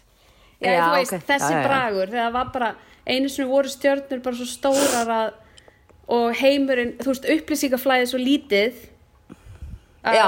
hérna, hver einasta frétt var svo mikil. En núna er upplýsingaflæði svo mikið overload Akkurat. að, og allir svo nálægt er þú veist, Jennifer Garner er bara þú veist, alltaf að posta einhverju myndböndum að sér að baka skiluru Já. eru hann svona hluti Já. af þér miklu stærri hluti af þér þannig að fréttina verði ekki eins svona dramatískar eða magnaðar eða eitthvað Já, þetta er bara alveg mjög hverstarslegt. Þetta er bara óslega mánudagslegt og hverstarslegt og stjörnur eru bara, þú veist, þetta, þetta byrjaði náttúrulega með því við vorum alltaf, þú veist, ég minna á tímabili bara í nýjunni, þá, þú veist, er ekkert nema stjörnur að stíga út úr bílum að fara að klubba og haldandi á Starbucks glösum, þú veist, það var svona mest spennandi það sem að var í gangi þar á milli og Lindsay Lohan að kóka sig út í, í drasl á einhverju klubbabaðherbyrgi talandi um það, nú kannski þurfum kannski að minnast á hana og gríska sjónvarsþáttin hennar um gríska klubbin sem hún opnaði þar. Shit, hvað ég hef ekki séð mikið. Ég reyndar er engin raunveruleika sjónvarskona, ég er ekki eins djúp í því eins og þú með bachelor og svona en uh, það er eitt mesta drasl sem ég hef séð og það var svona svo að horfa á bílslis bara í, í, í slow motion sko. Guðminn góður, hún er svo stór glæslega 65 ára guðminn kona. bílslis í slow motion, er það ekki? Everybody wants to see it. Jú, það Everybody wants to see it, sko. En ég meina, þú veist, shit, sko. Uh, Já, þetta er náttúrulega, þú veist, fólk er ekki Þú veist, fólk, þetta er orðið svo núansað og það er bara hægt að fara inn á Rís Viðurspún bara inn á uh, Instagramiðinu og íta bara á stóriðinu og þá er bara hún bara eitthvað Hæ, ég er að fara að kera krakkar í skálan og berliðlega, þú veist, þannig að þetta er ekkert svona það er ekki eins og þetta fólk sé bara í einhverjum Óskarspartíum og, og einhverjum galavislum og bla bla, þú veist, þegar maður er bara með þetta lið bara inn á, inn á teppi hjá manni allan einlangan daginn, maður er aðgang á þeim hvenna sem er, skilur Ég veit að það er einhvern veginn bara, hlutinir hafa bara breyst, þannig og það, ég held kannski mögulega er þetta miklu betra fyrir þau, þú veist, að það er ekki svona rosalega mikið intrusion, þótt að sé mikið intrusion örglega, þú veist, en veist hvað ég veit, Já, það er ekki verið að kannski er- Paris Hilton út um allt lengur, mér Já. finnst svona eins og það hafi breyst einhvern veginn, þú veist, Nei, já, algjörlega. Algjörlega, og mér finnst bara eins og þessi paparazzi stefna hafið svona aðeins einhvern veginn, hún bara sprakkan í nýjunu og 2000 þú veist, in the, in the, in the odds bara, þú veist, 2000 bara var bara gósen tíð. Þess að ógæslega paparazzi að taka þú veist, upskirt myndir af stelpum að stíða út í bíl og eitthvað svona, og maður er bara svona döðsviðbjör og þetta er orðið einhvern veginn allt, ég myndi ekki hvort, veit ekki hvort orðið civilized sé orðið meira því að fólk er orðið svo mikið brand og bla bla bla, þetta er bara orðið öðruvísi. Það er allt orðið svo, líka eins og ef einhver hérna byrtir topless fótós af einhverjum, þá kemur manneskjan bara og tekur sjálf myndir af sér og byrtir það líka. Þú veist, það er einhvern veginn bara svona, Nákvæmlega, það hefur bara allt breyst. Já, Og núna Já, er að algjör- hey, málin einhver tengt einhverjum, veist, pedofílum og hérna Harvey. Weinstein og eitthvað sem er svona stærsta, veist, þannig Já, sé fréttin einmitt. síðast ás, ég myndi ég segja. algjörlega, al- algjörlega, algjörlega. það er veginn síðasta, svona, En það er ekki svona Já, já. celebrity gossip, uh, æ, nei, slúður, Nei. svona slúður bara, Núna þú veist eins og það var, bara slúður, svona- slúður.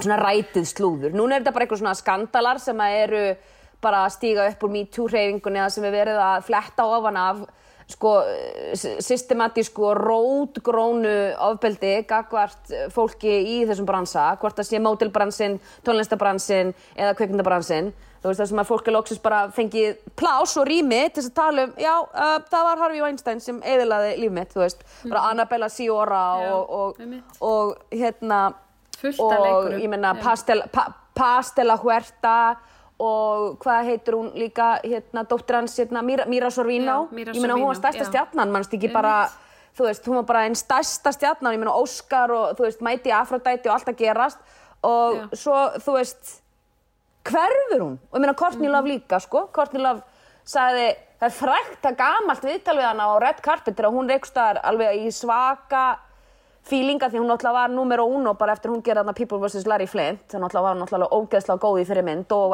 það leit bara út fyrir að konan væri bara að fara að embarka á eitthvað svakalegan movie-karriér. En þú veist og hún var spurð á rauðu tepp einhvern tíma hann bara, ertu með eitthvað skilabóð fyrir unga leikonur og leikara í dag? Og hún sagði, já, aldrei ever fa- fara upp á hótelherbyggi ein með Harvey Weinstein. Og þetta sagði hún á rauðum dregli og ég meina hún var bara drei, ég meina hún leka ekki mynd síðan sko. Ég veit en ég meina þetta sagði hún fyrir löngu, löngu, löngu. Og löngu þetta er síðan. ekki einstæmi bara um hann. Þú veist þetta, þótt að hann hafi verið svona notorious hérna Mhm. uh, svíns uh, ógeð Já. að þá hérna skítæl, skítæl, já, já, einmitt. Já, þá held ég þetta já, ég þetta er bara rót, marga pródúsenta þú veist alveg, ég svona ég ég er gauðra að peningakalla sem að eru bara búin að stjórna þessu öllu og, og allt í hennu sita það, þeir upp og eru bara ó, ok. Ó, ó, þetta, ó, að má ekkert lengur, Marle, þetta mátti aldrei, því miður.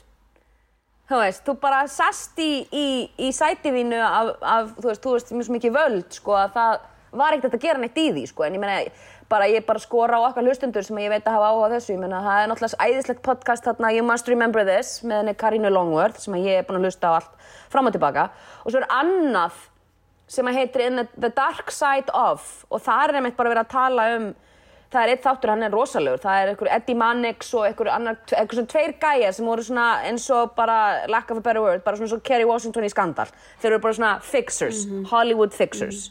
Þú veist og bara þátturinn fyrst, ég ætla ekki að spoila neitt, ég meina þátturinn sem þeir eru að tala um þá byrja bara að fullur annarkvort Cary Grant eða, ég man ekki, ég held að það hafi verið Cary Grant frekar en Clark Gable á annarkvort þeirra og það var alveg draugfullur hringjur og bara hæld ég hef ströyjað niður eitthvað manneski Oh, og það bara þátturinn byrja, já, þátturinn byrja bara svo leiðis og þeir bara já ok, ekkert mál við bara förum í það, þetta er MGM og þá er bara fundin bara, þú veist, fjölskyldan, líkið, bílinn, hann er tekinn, settur á snúruna, þessi leikarinn, hann er bara settur í eitthvað ferðalag, uh, bara aðeins að, hérna, dry off og fjölskyldan er fundin, hei, við borgum ykkur þetta 100.000 dollara, þú veist, þetta er eitthvað 1930 eitthvað, skilur og það er náttúrulega bara eitthvað 7-8 miljónir dollara í dag.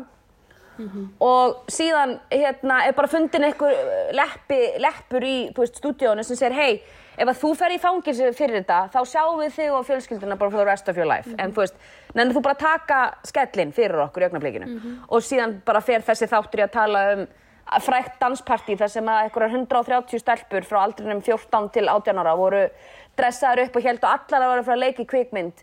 En svo var ekki, það var bara hendin í eitthvað ógeðslegt tippakallapartí og loka hurðun og ég bara, og, ég get þetta ekki. og ég meina, ég get ekki einu sinni farið út í hvað gekk þar á Nei. en ég bara skora fólk að hlusta á það því að það var ein stelpa sem þorði að kæra og þeir eðilöðu lífinar í mörg ár. Einmitt. Ég meina, þú veist, þetta er bara rótgróið, systematíst viðbjóðskerfi, skilur og, og loksins bara vera að tala um þetta, minnst þú svo fyndið að heyra suma, þú veist, menn sem að manni þykir væntum, þú veist, sem er eitthvað svona eiguslega bátt með konur er svo mikið læti í konum núna, mér finnst þetta svo óþægilegt. Finnst þetta, mér finnst þetta óþægilegt fyrir mig. Alveg, já, Æ, ok, greið ég veit þú. ekki alveg hvernig ég á ég veit ekki alveg, ég, þetta þýðir ekki að ef að þeir hafa átt bátt að ég sé mér sé samum það, ef eitthvað þá finnst mér þetta rými sem er búið að búa til núna með MeToo og það allt saman að allir geti komið fram, ekki bara konur, bara allir. Mm skilur en ok, ég skal stíga af sápukassanum í augnablikinu. En uh, svo getum farið að rúlla okkur yfir í Nei, eitthvað skemmtilegt að slúður. en þetta er alveg, þetta er ágættu punktur, veist, þetta, það er Já. bara, og þetta er ágættur endapunktur í þessu, einmitt, það er bara, eh, þú veist, þegar við vorum að hugsa tilbaka slúður, ég er bara svona, eh, ég man ekki eftir neinu spennandi. Nei, það er náttúrulega alls nei. konar litla sögur um eitthvað hitt og þetta, þetta tala um, Jú, en, jú, en ekkert svona grandiós eitthvað. Nei, en ég meina svona að því líka, ég held líka að það sem þú neldir á þann með, með þú veist þess, að nánd við fólk og hverstarsleika með stjörnundar að þú veist að þá eru og það er svo mikið steddi upplýsingaflæði, það er ekki bara eins og komi bara eitthvað svona já, hér er stelpa að lappa með Starbucks botla og svo er bara Jennifer Aniston og bara pitt að skilja því það er bara svona bomba, þú veist. Það er nefnilega alltaf eitthvað í gangi alla daga, alveg allan daginn, alveg í hátteginu er einn fréttatilkynning og svo er alveg annað um kvöldin, þannig að maður er stanslust og svo náttúrulega einhver svona minnisbáminn, eitthvað svona lið, eitthvað svona bachelor fólk og, og eitthvað svona raunveruleika sjónvarslið sem að, þú veist, er clogging the feed. Já, og tekur upp rosalega mikið pláss. Alveg svakalegt, sko. Það er alveg svart. En við vorum með litla könnun á uh, Instagraminu um uh, hvort að fólk hefði nú eitthvað svona óska topic sem að Rikið ætti að taka fyrir. Og það voru spurningar úr sal og við svörum kallinu að sjálfsögðu þegar það berst. Já. Og ekki byrja bara á Britni Jú, endilega. Ég til dæmis náði ekki að lesa mig til, þannig að you go for it. Ég, Nei, nei, nei, nei.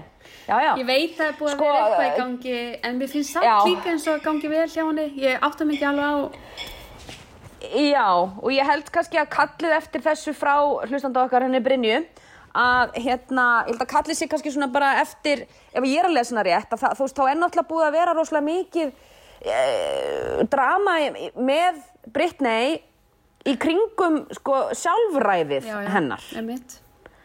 Sem hún er það er ekki með. tekið af henni sjálf Nei, hún er ekki með það og hún er náttúrulega ekki, he- hún er ekki lögráða, hún er ekki sjálfráða. Það var tekið af henni sjálfræðið sko 2008 Er hún ekki lögráða? og núna í já, e, e, e, sjálfráða. Ég meina, þú veist, er það ekki bara orðið?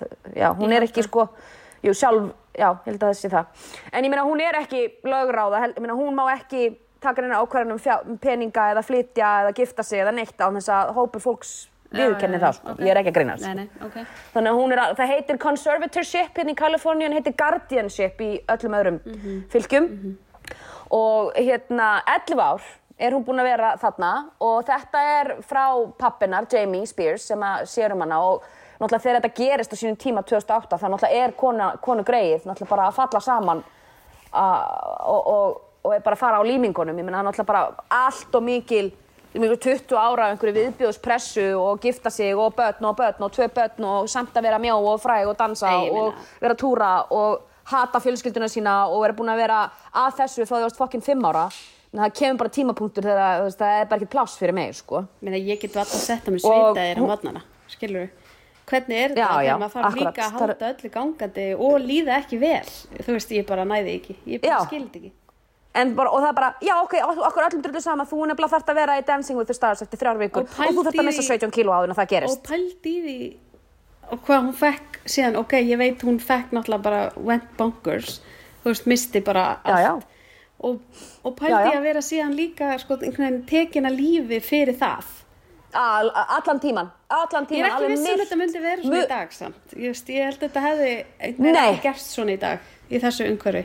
Nei, ég er alveg sammála því og þetta er að sama át af því að eins og við, og, og við getum líka rægt annað uppáhaldu okkar sem við skulum bara setja pi, pinna í það. En þú veist Monika Lewinsky til dæmis, skilju, ég meina við getum rægt það þú Já. veist, hvernig væri til dæmis farið með hana í dag. Því að guðmund góður, það var nú ekki farið vel með hana í fjölmiðlum og af fe, fe, amerískum feministum og hún þá hún var sko útrópuð, ég meina hún var 21 árs. Það. Nei, ég meina að hún hafi ekki að hún hafi ekki hoppað í hafið, Já. hoppað út úr Þetta er bara hótelherbyggi, ótrúlegt. drepi sig, teki pillur því að ég er búin að hlusta nokkuð podcast um þetta Mhm.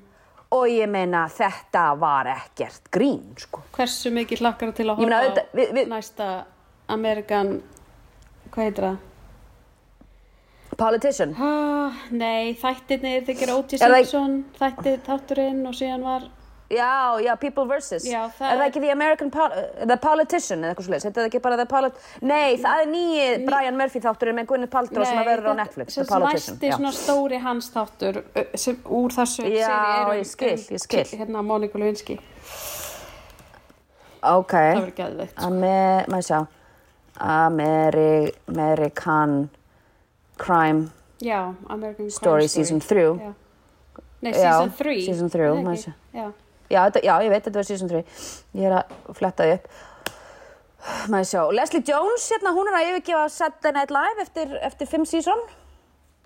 Já, ég er Maður alveg sjá, að- eh, ok. Já. American Crime Story will tackle the Clinton impeachment. Já, ok, mjög gott. Þannig að það verður bara, það eftir að heita American Crime Story Impeachment Það verður rosalegt. Þetta verður fucking Linda Tripp. Já. wow, Sara Pólsson aftur að leika Lindu Tripp. Er það fokkið mér, bara, ég sé bara Golden Globe Emmy velunin bara já, as we já, speak hún er sko. bara, þetta er bara búið, það geta bara sleppt hátíðinni sko. þetta er búið. Ég meina við þurfum ekki að sjá þáttinn við þurfum ekki að halda velunin þú veist, það þarf ekki að gera neitt meir. En Linda Tripp, þetta er bara búið. Því lík Linda Tripp, Bag of- því líka tussa. Já, hún var töss. Bag of dicks. Já, hún var töss, það er alveg punktur is Já, hún var massa töss sko, töss, töss, töss.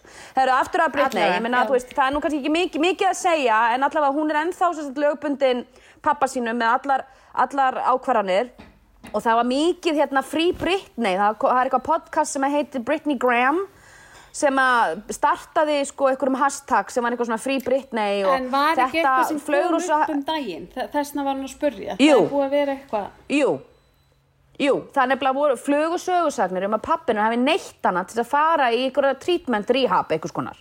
Já. Og sko, ég held að það sé alveg hægt að segja það tæpi tungulust og að það hafi nú ekki verið sagt sko upphátt.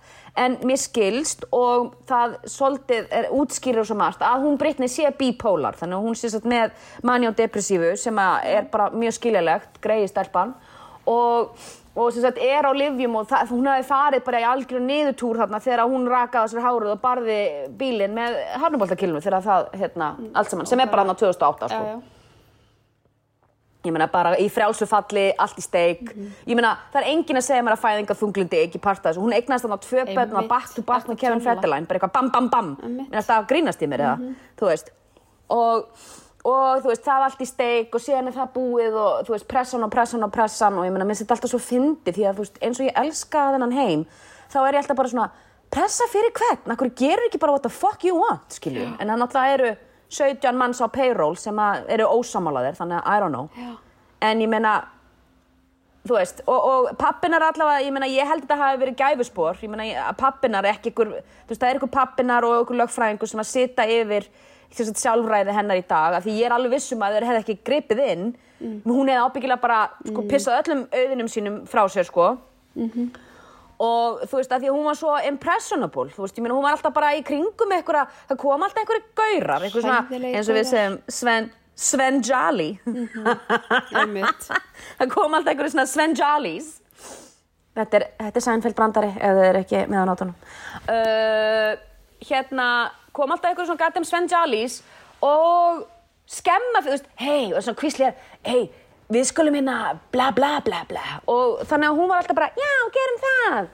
Og var sem bara komin í ykkur af ítlusu með einhvern nýjan kærasta sem að þú veist, þú er búin að þekka henni í korter. Já. og hún, mannst ekki, hún gifti Jason Já, já, já. Alexander? Eh, og þú veist og, og Sam Lutfi sem var eitthvað Oj, tipp, svita, er, ógeð, Sko, fyrir utan hvað var ógeðislega ljótur. að ógeð Það er einhver orkan í kringum og ég meina hann. við erum ekkert í að seima neitt sko Nei, nei. alveg sko, djúb svita, ógeðis, horror ekki með her best interest at heart sko, ekki til í dæminu sko Nei.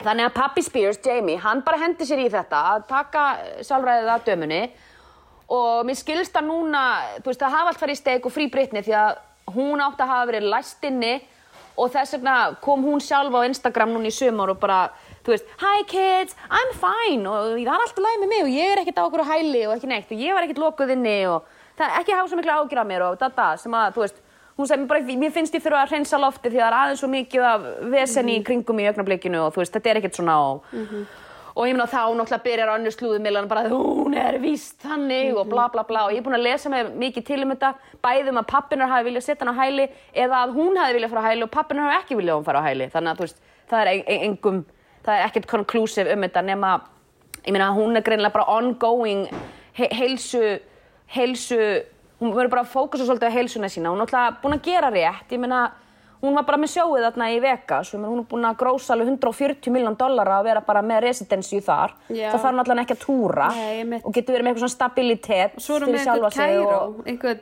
einhvern youngin, Jú, einhvern hún er með hotboy, youngin.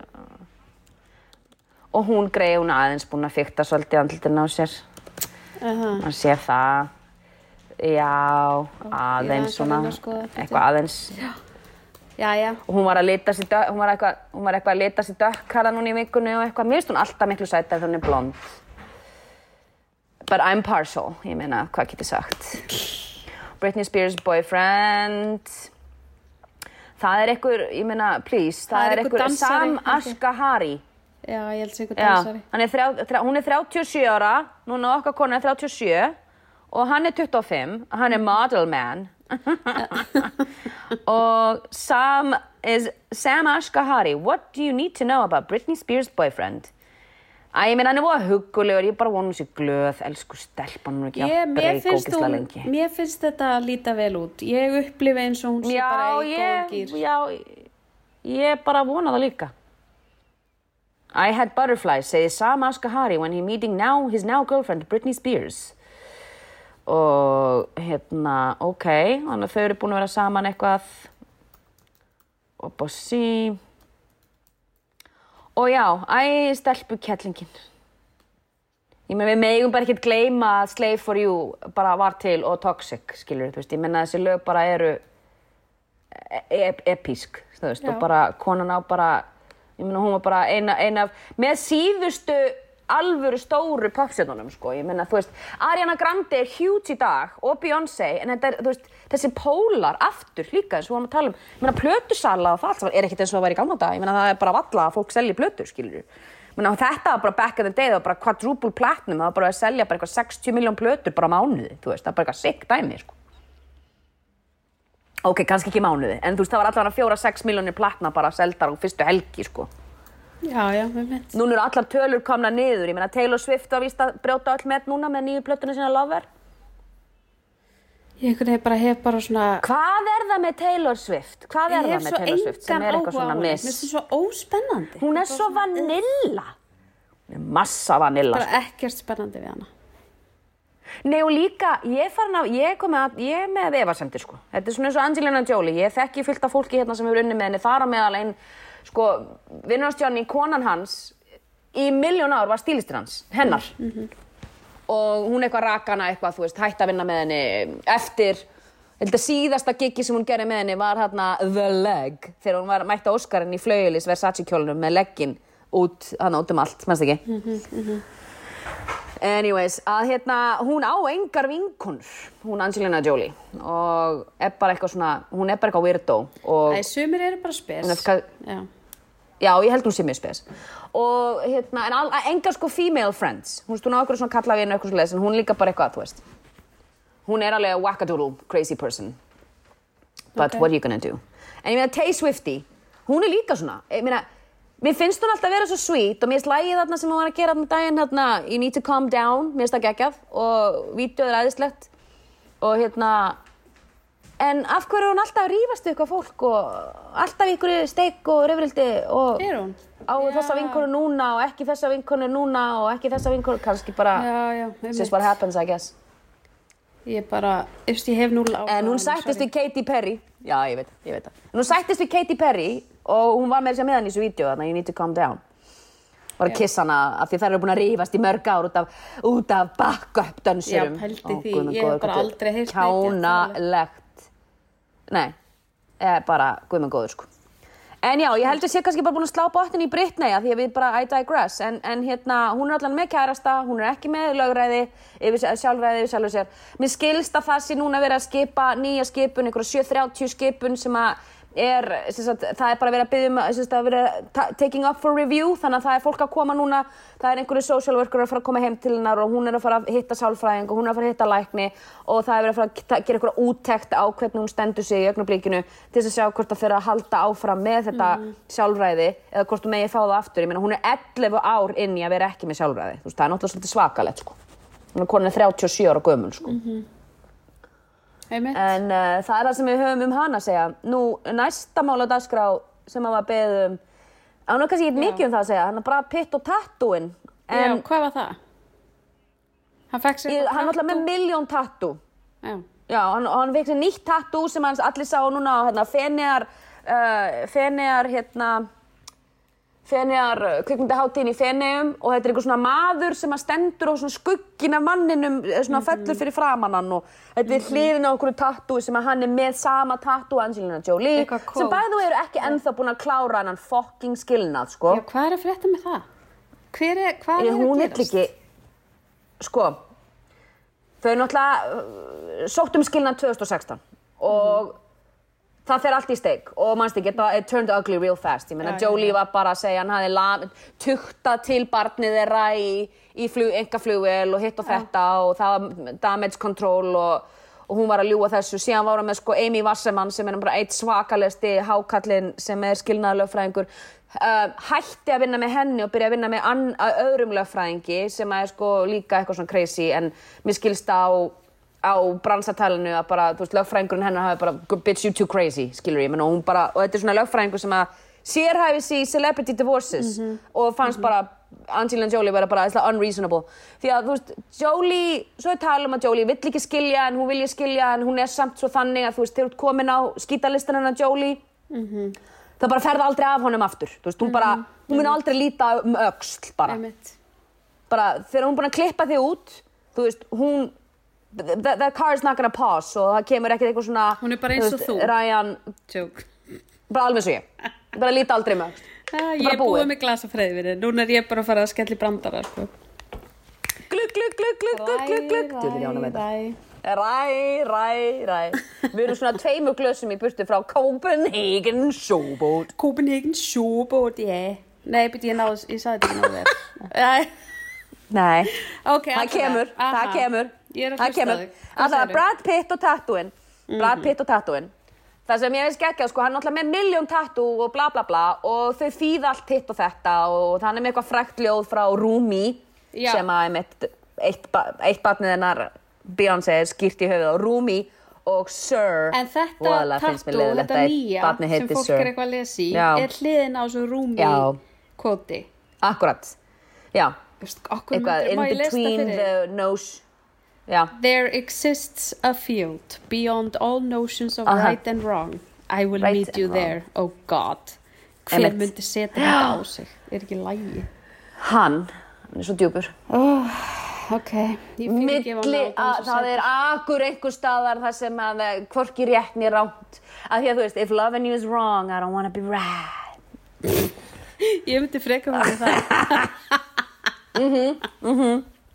það er mjög gott, það er mjög country song en ég er samt með gott inside scoop og það er nú frá henni Hepu Þóris vinkonu Mm. makeup artist to the stars sem var náttúrulega aðal key makeup artistinn á, á öllu myndunum hans, hans Quentin Tarantino Jú, jú. og hún var að segja mér frá Once Upon a Já. Time in Hollywood að ég bara, að ég, sem að ég er notabunni búin að sjá það eru engin spoilerar í þessu podcasti um það en Guð komið að fannst svo skemmtileg Já. Nei, nei, nei, nei.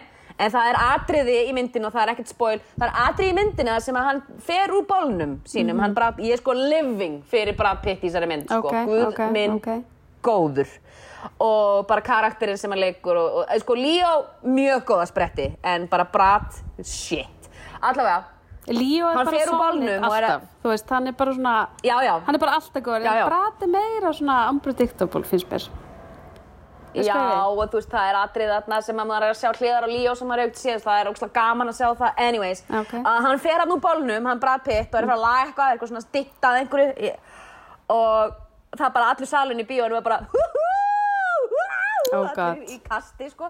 Já, bara í Og bandaríkjunum. hérna, já, já, þú veit það. Og ég var meira að segja, sko, inn í Alamos Drafthouse, þar sem að, þú veist, ef þú kíkir á símaðinn, þá er það hent út og þú mátt ekki koma aftur í bíó. Já, Þú bara gott, ferð á blacklist. Flott. Já, þeir ekki að reynda líka með öll sætinu er lazy boy og þú getur pantaði mat og vín allan tíman meðan myndin er. Og kemur ykkur gæi með það til þín. Hvernig Það er pantari? borð fyrir fram að þig. Hvernig pantari? Þú, þú, það, sko, þeir eru með geggja system. Það er með svona piece of paper sem þú skrifar á, ég ætla að fá bjór og hérna quesadilla og bla bla bla. Og síðan setur brefið í svona stand þannig að þá stendur það svona upp úr þannig að Já. eitthvað stendur fyrir aftur þá sjá þeir að það sé komið ný pöntun. Þannig að þá hlaupa gæjar í svörtu fötum, svona eins og mime actors og grípa pappirinn, já. bjór, ba ba ba, Ok. kvísla sko við hliðina. þér. Væri það betra að þetta væri svona bara order system, bara þú setur inn eitthvað svona dit, dit, dit. Já, já, en þá komið ljós Já, það rétt. þú veist, þeir vilja bara, þú veist, þeir eru með svona lítinn ljóslampa undir borðinu og skrifar bara með blíjandi og setur í, þú veist, whatever.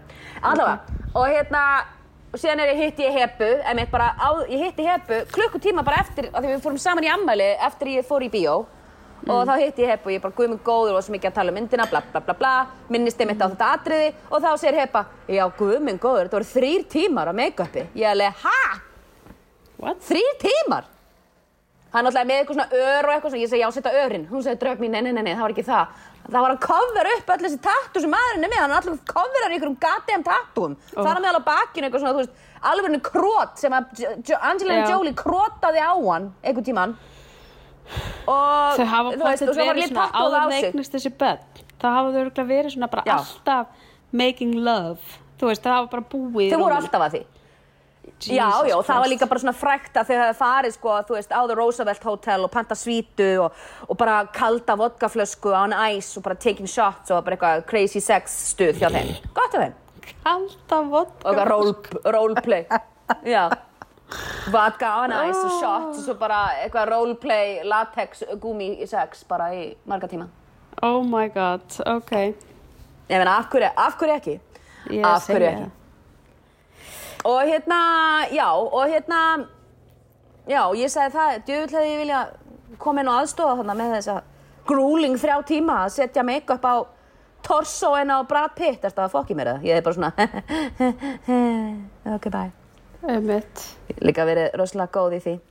Anyways, en uh, já, Brad Pitt og tattoo, það er nú ekki mikið meira um það að segja. Hann alltaf bara er coverar í tattoo sem eru ykkur krót frá Angelina Jolie og ble ble ble. En svona stærsta fréttin með skilnað so far á þessu ári er Mm. ábyggilega Miley Cyrus og, og Liam Hemsworth. The other Hemsworth. Já, Þeir ég veit ekki af hverju, mér finnst þetta ekki spennandi en alltaf, ég, þú veist, það sem Nei, ég finnst leiðilegt við þessar fréttir er, hann lítur út fyrir að vera stand-up-gaur, ég veit ekkert um hann, þú veist, Já. hann lítur bara út fyrir Nei, að nei, svona, þeir allir, bara svona, Já, hann er bara Ossi, bara eitthvað Ossi, Down Under. Shrimp on a Barbie, eitthvað, þú veist, Já, salt já, í jarðar já, típa, já. eitthvað. Akkurat, Og akkurat. svona eins mikið og getur orðið í Hollywood. og síðan er hún bara komið með einhver ný, einhverja nýja píu strax? Ég veit ekki, og svo er það kannski Já. löngu búið, I don't know, ég veit ekki neitt.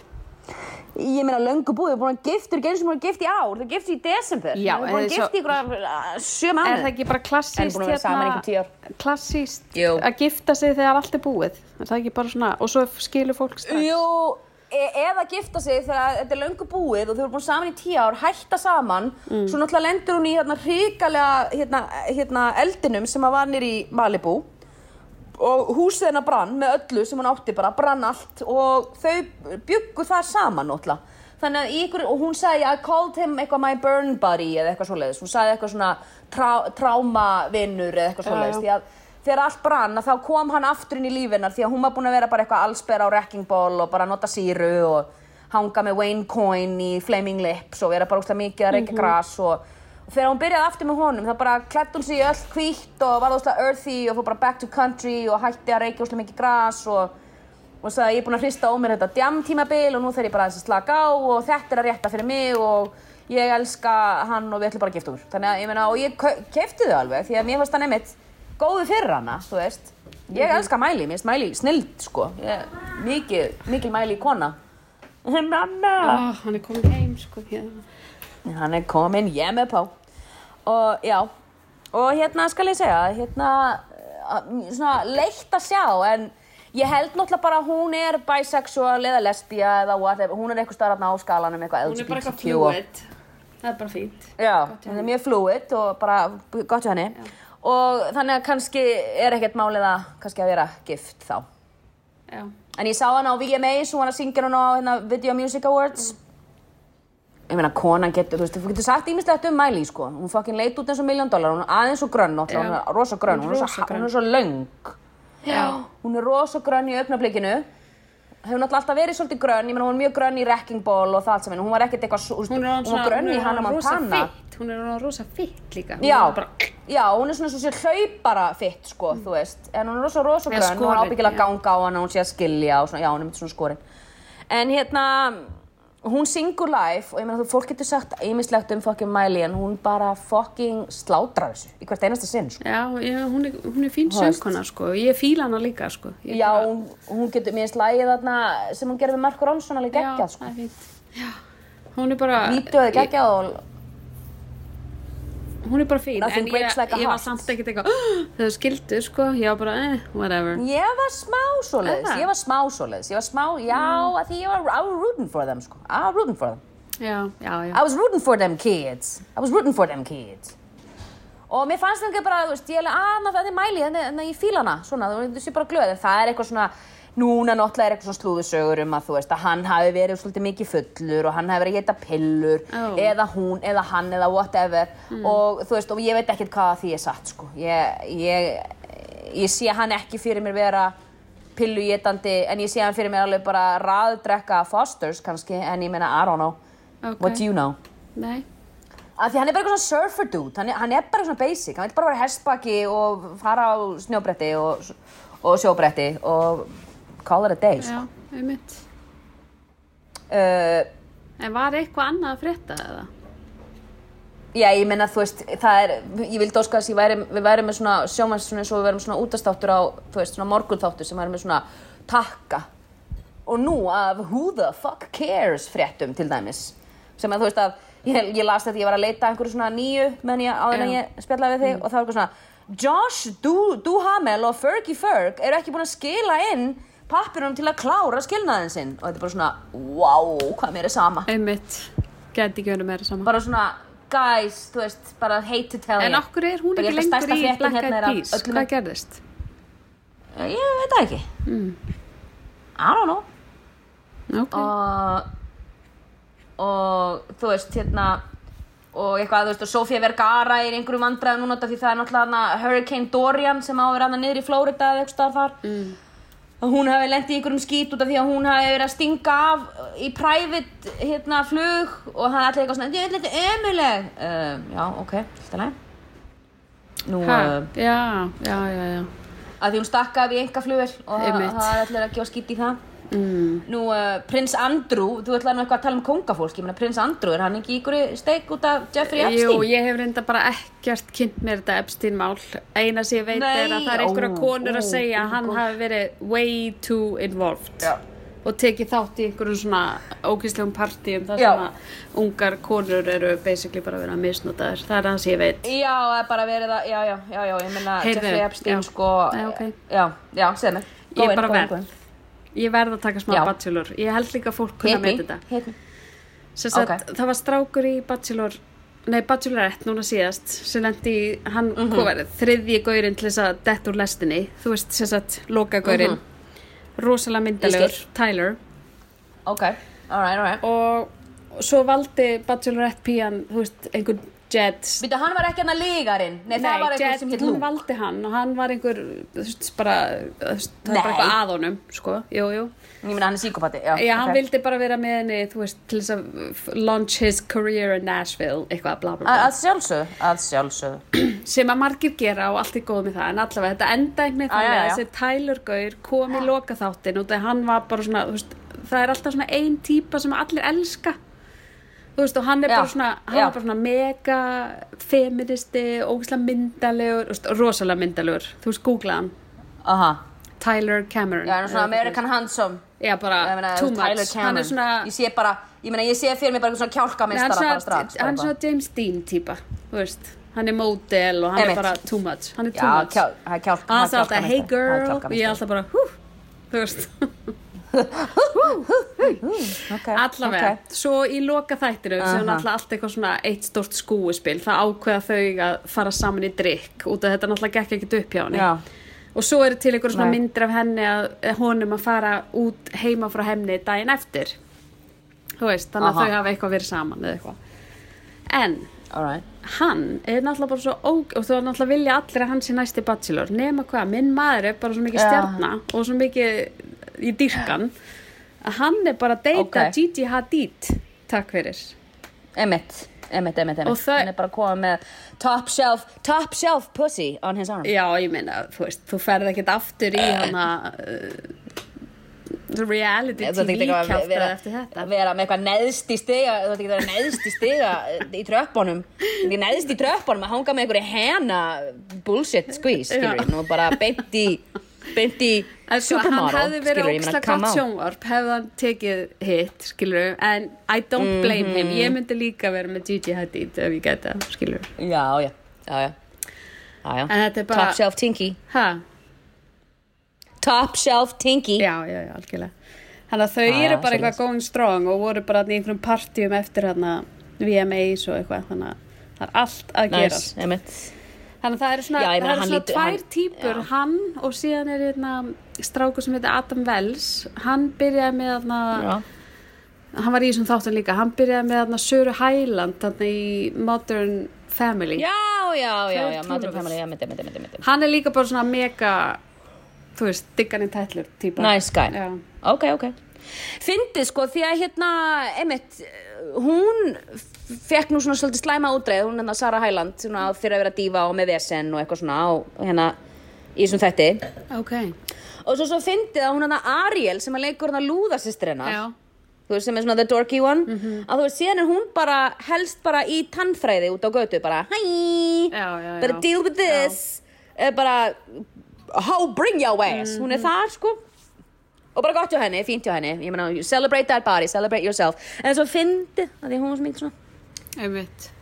Lúði í sjámarpinu og er svo bara, þú það er veist að fá a útrás lady in the streets staðar. but a freak in the bed. Eins og eins og, Usher gott segir hjá henni. Gott hjá henni, æðislegt meira áttur, frábært. Uh, Jeff Bezos hann Ha. er náttúrulega hann að ríkasti maður í heimi, Jeff Bezos. Já, já, já, já.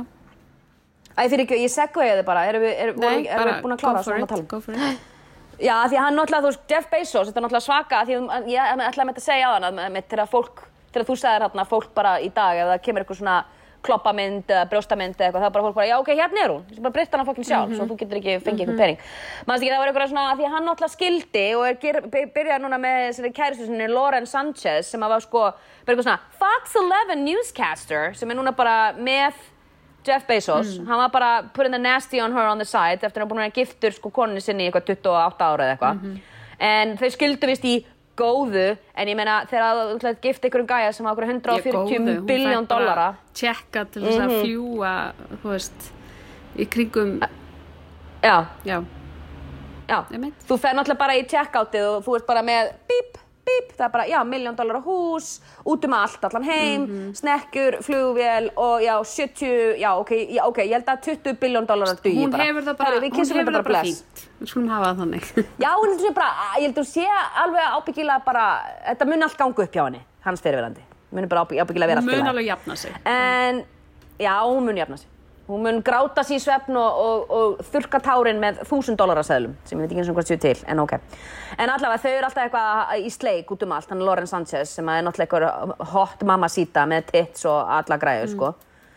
En ánæg með hann sko að því leiti, hann sé alveg gríðarlega ósjarmirandi típa, hann Jeff Bezos að hérna að hún er svo, þú veist, þau eru svona cirka jafn gömul, ég er ánæg hann er ekki með eitthvað 19 ára eða eitthvað svona bull, skiluru en þau svona ákvaðu að hafa hún er búin að gaman láta bara svona til þess að hafa gera næs eitthvað við andlita á sig, er það Það ekki? er aðeins búið að, já, ég meina, hún var, hún var frétta, hún var fréttakona, skilur, ég Ég meina, var bara að í googla Kaliforni. ég bara, æ, ó Já, Æ, æ. einmitt, það er svolítið mikið búið að nipp tökka þarna, sko, alveg sí. svoleiðis. Já, Já, já, já, það er alveg allan daginn, sko. En hérna, já, og þau eru núna eitthvað að leika sér á, á hérna, þau eru á snekkinu hennar daginn von Föstenberg að hafa það næs Mm. og, og hann er ábyggilega í sömu sundskilinu og á búið að taka myndir á hann 17 sinum í sömu sundskilinu og allir að gera grína Jeff Bezos því hann er svo ógeðslega ríkur og hann er alltaf í sömu sundskilinu. Uh, en þau svona til þess að byrja bara sambandið á réttum nótum að þá er náttúrulega bara keiftuð 80 miljón dollara íbúð í New York. Ég meina af hverju ekki?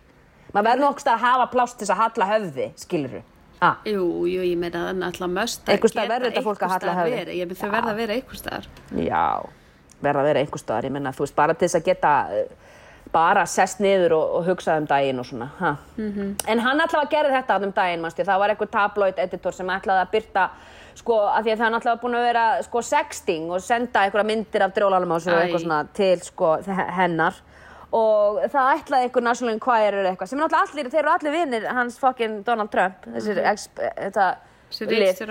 og hérna, já viðbjörn og hérna, já og sem sagt hérna, ú, mér datt eitt í hugsu við þurfum að tala um uh, og ég er að lesa það núna. Uh, hérna, að meðan við erum samt að fara að klára þetta.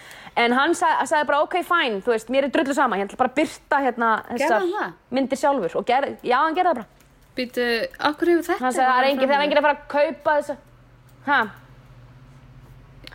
Já, pældi hvað maður er orðin gamall núna, eða gamall, pældi hvað maður er orðin settlur. Ég einhvern veginn fann þetta og ég klikkaði eitthvað link og svo var þetta ekki alveg nógu skýrt, þannig ég svona, ég kláraði ekki einu sinni að skoða það til þess að detta inn á his dick pics, en ég meina, I don't know. Ég bara, þú horfir á andlita á honum og það er, þú Ég veist, held ég meina, að tippi ég sé er nú einhvern veginn að, mjög líkt andlindin á honum. andlitin á honum. Ég held að sé alveg eins, hann er með eitt svona lazy eye og ég held að þetta sé alveg, hann er alveg eins og drjóli í framann. Byggilega the same En happening byrt downstairs. hann þetta í alvörunni? Oh boy, Já, ég held sé þetta. Jæja. Ó, Hann er Jæja, daginn. þessi, æ, ég ætla ekki, ég vissi. Herru, það er live hann var að, hann var að? Hann var að, hérna, mjög stífur Oh boy. og beint til hægri, sko. Hann bara, bing, þú veist, það var bara hægri beigja er bara sko. Gentleman, gentleman dresses to the right. Ok. Já, það er eitthvað. Hva, og byrju, hvar fannstu þessa dick pic hérna? Þú Dick pic. Tjöfullin. Núna, núna ég, vill ég ég sjá. ekki, ég vissi ekki ég væri að fara að opna þetta sko, ég bara það bara kom bara bein Images, ég fyrir Google Images. A, er það með stóran dröla? já, ég, þetta er fínt bara þú veist, oh, Það er er hjá ég get ekki talað um því þetta er ekki lægi, sko, þetta er alltaf lægi hvað er annars? Oh, Þetta er það sem að englarík hlustundur eru að borga okkur engan pening fyrir að tala um. Þetta er svoleið. Ha. En nei, það var eitt hérna, ég held að sé samt alveg eh, eiginlega á alla hægt að byrja að tala um eitthvað nýtt, en þetta er svo gott já. að knikja út með þessu. jú. En ég ætlaði bara að tala um hana Sönsu Stark náttúrulega og okkar konu, Já. og að hún hefði gift, sig og það er náttúrulega verið. Tökum það bara næst. En náttúrulega við erum allavega við dýrkum hana ef að fólk er eitthvað já, já, já, hefur ykkur af því hver okkar staða er gagvart þeirri konu? Herðu, absolutt, herðu, það eru 50 mínútur bara í fyrsta þætti, til ána með ykkur. já, þetta er flott Ha? Ja, det er flot, ja, det er flot. Ja, det ja er min skat. já, já Ja, det er hæ, hæ Herðu, já maður, be bedrag. Bedrag. já,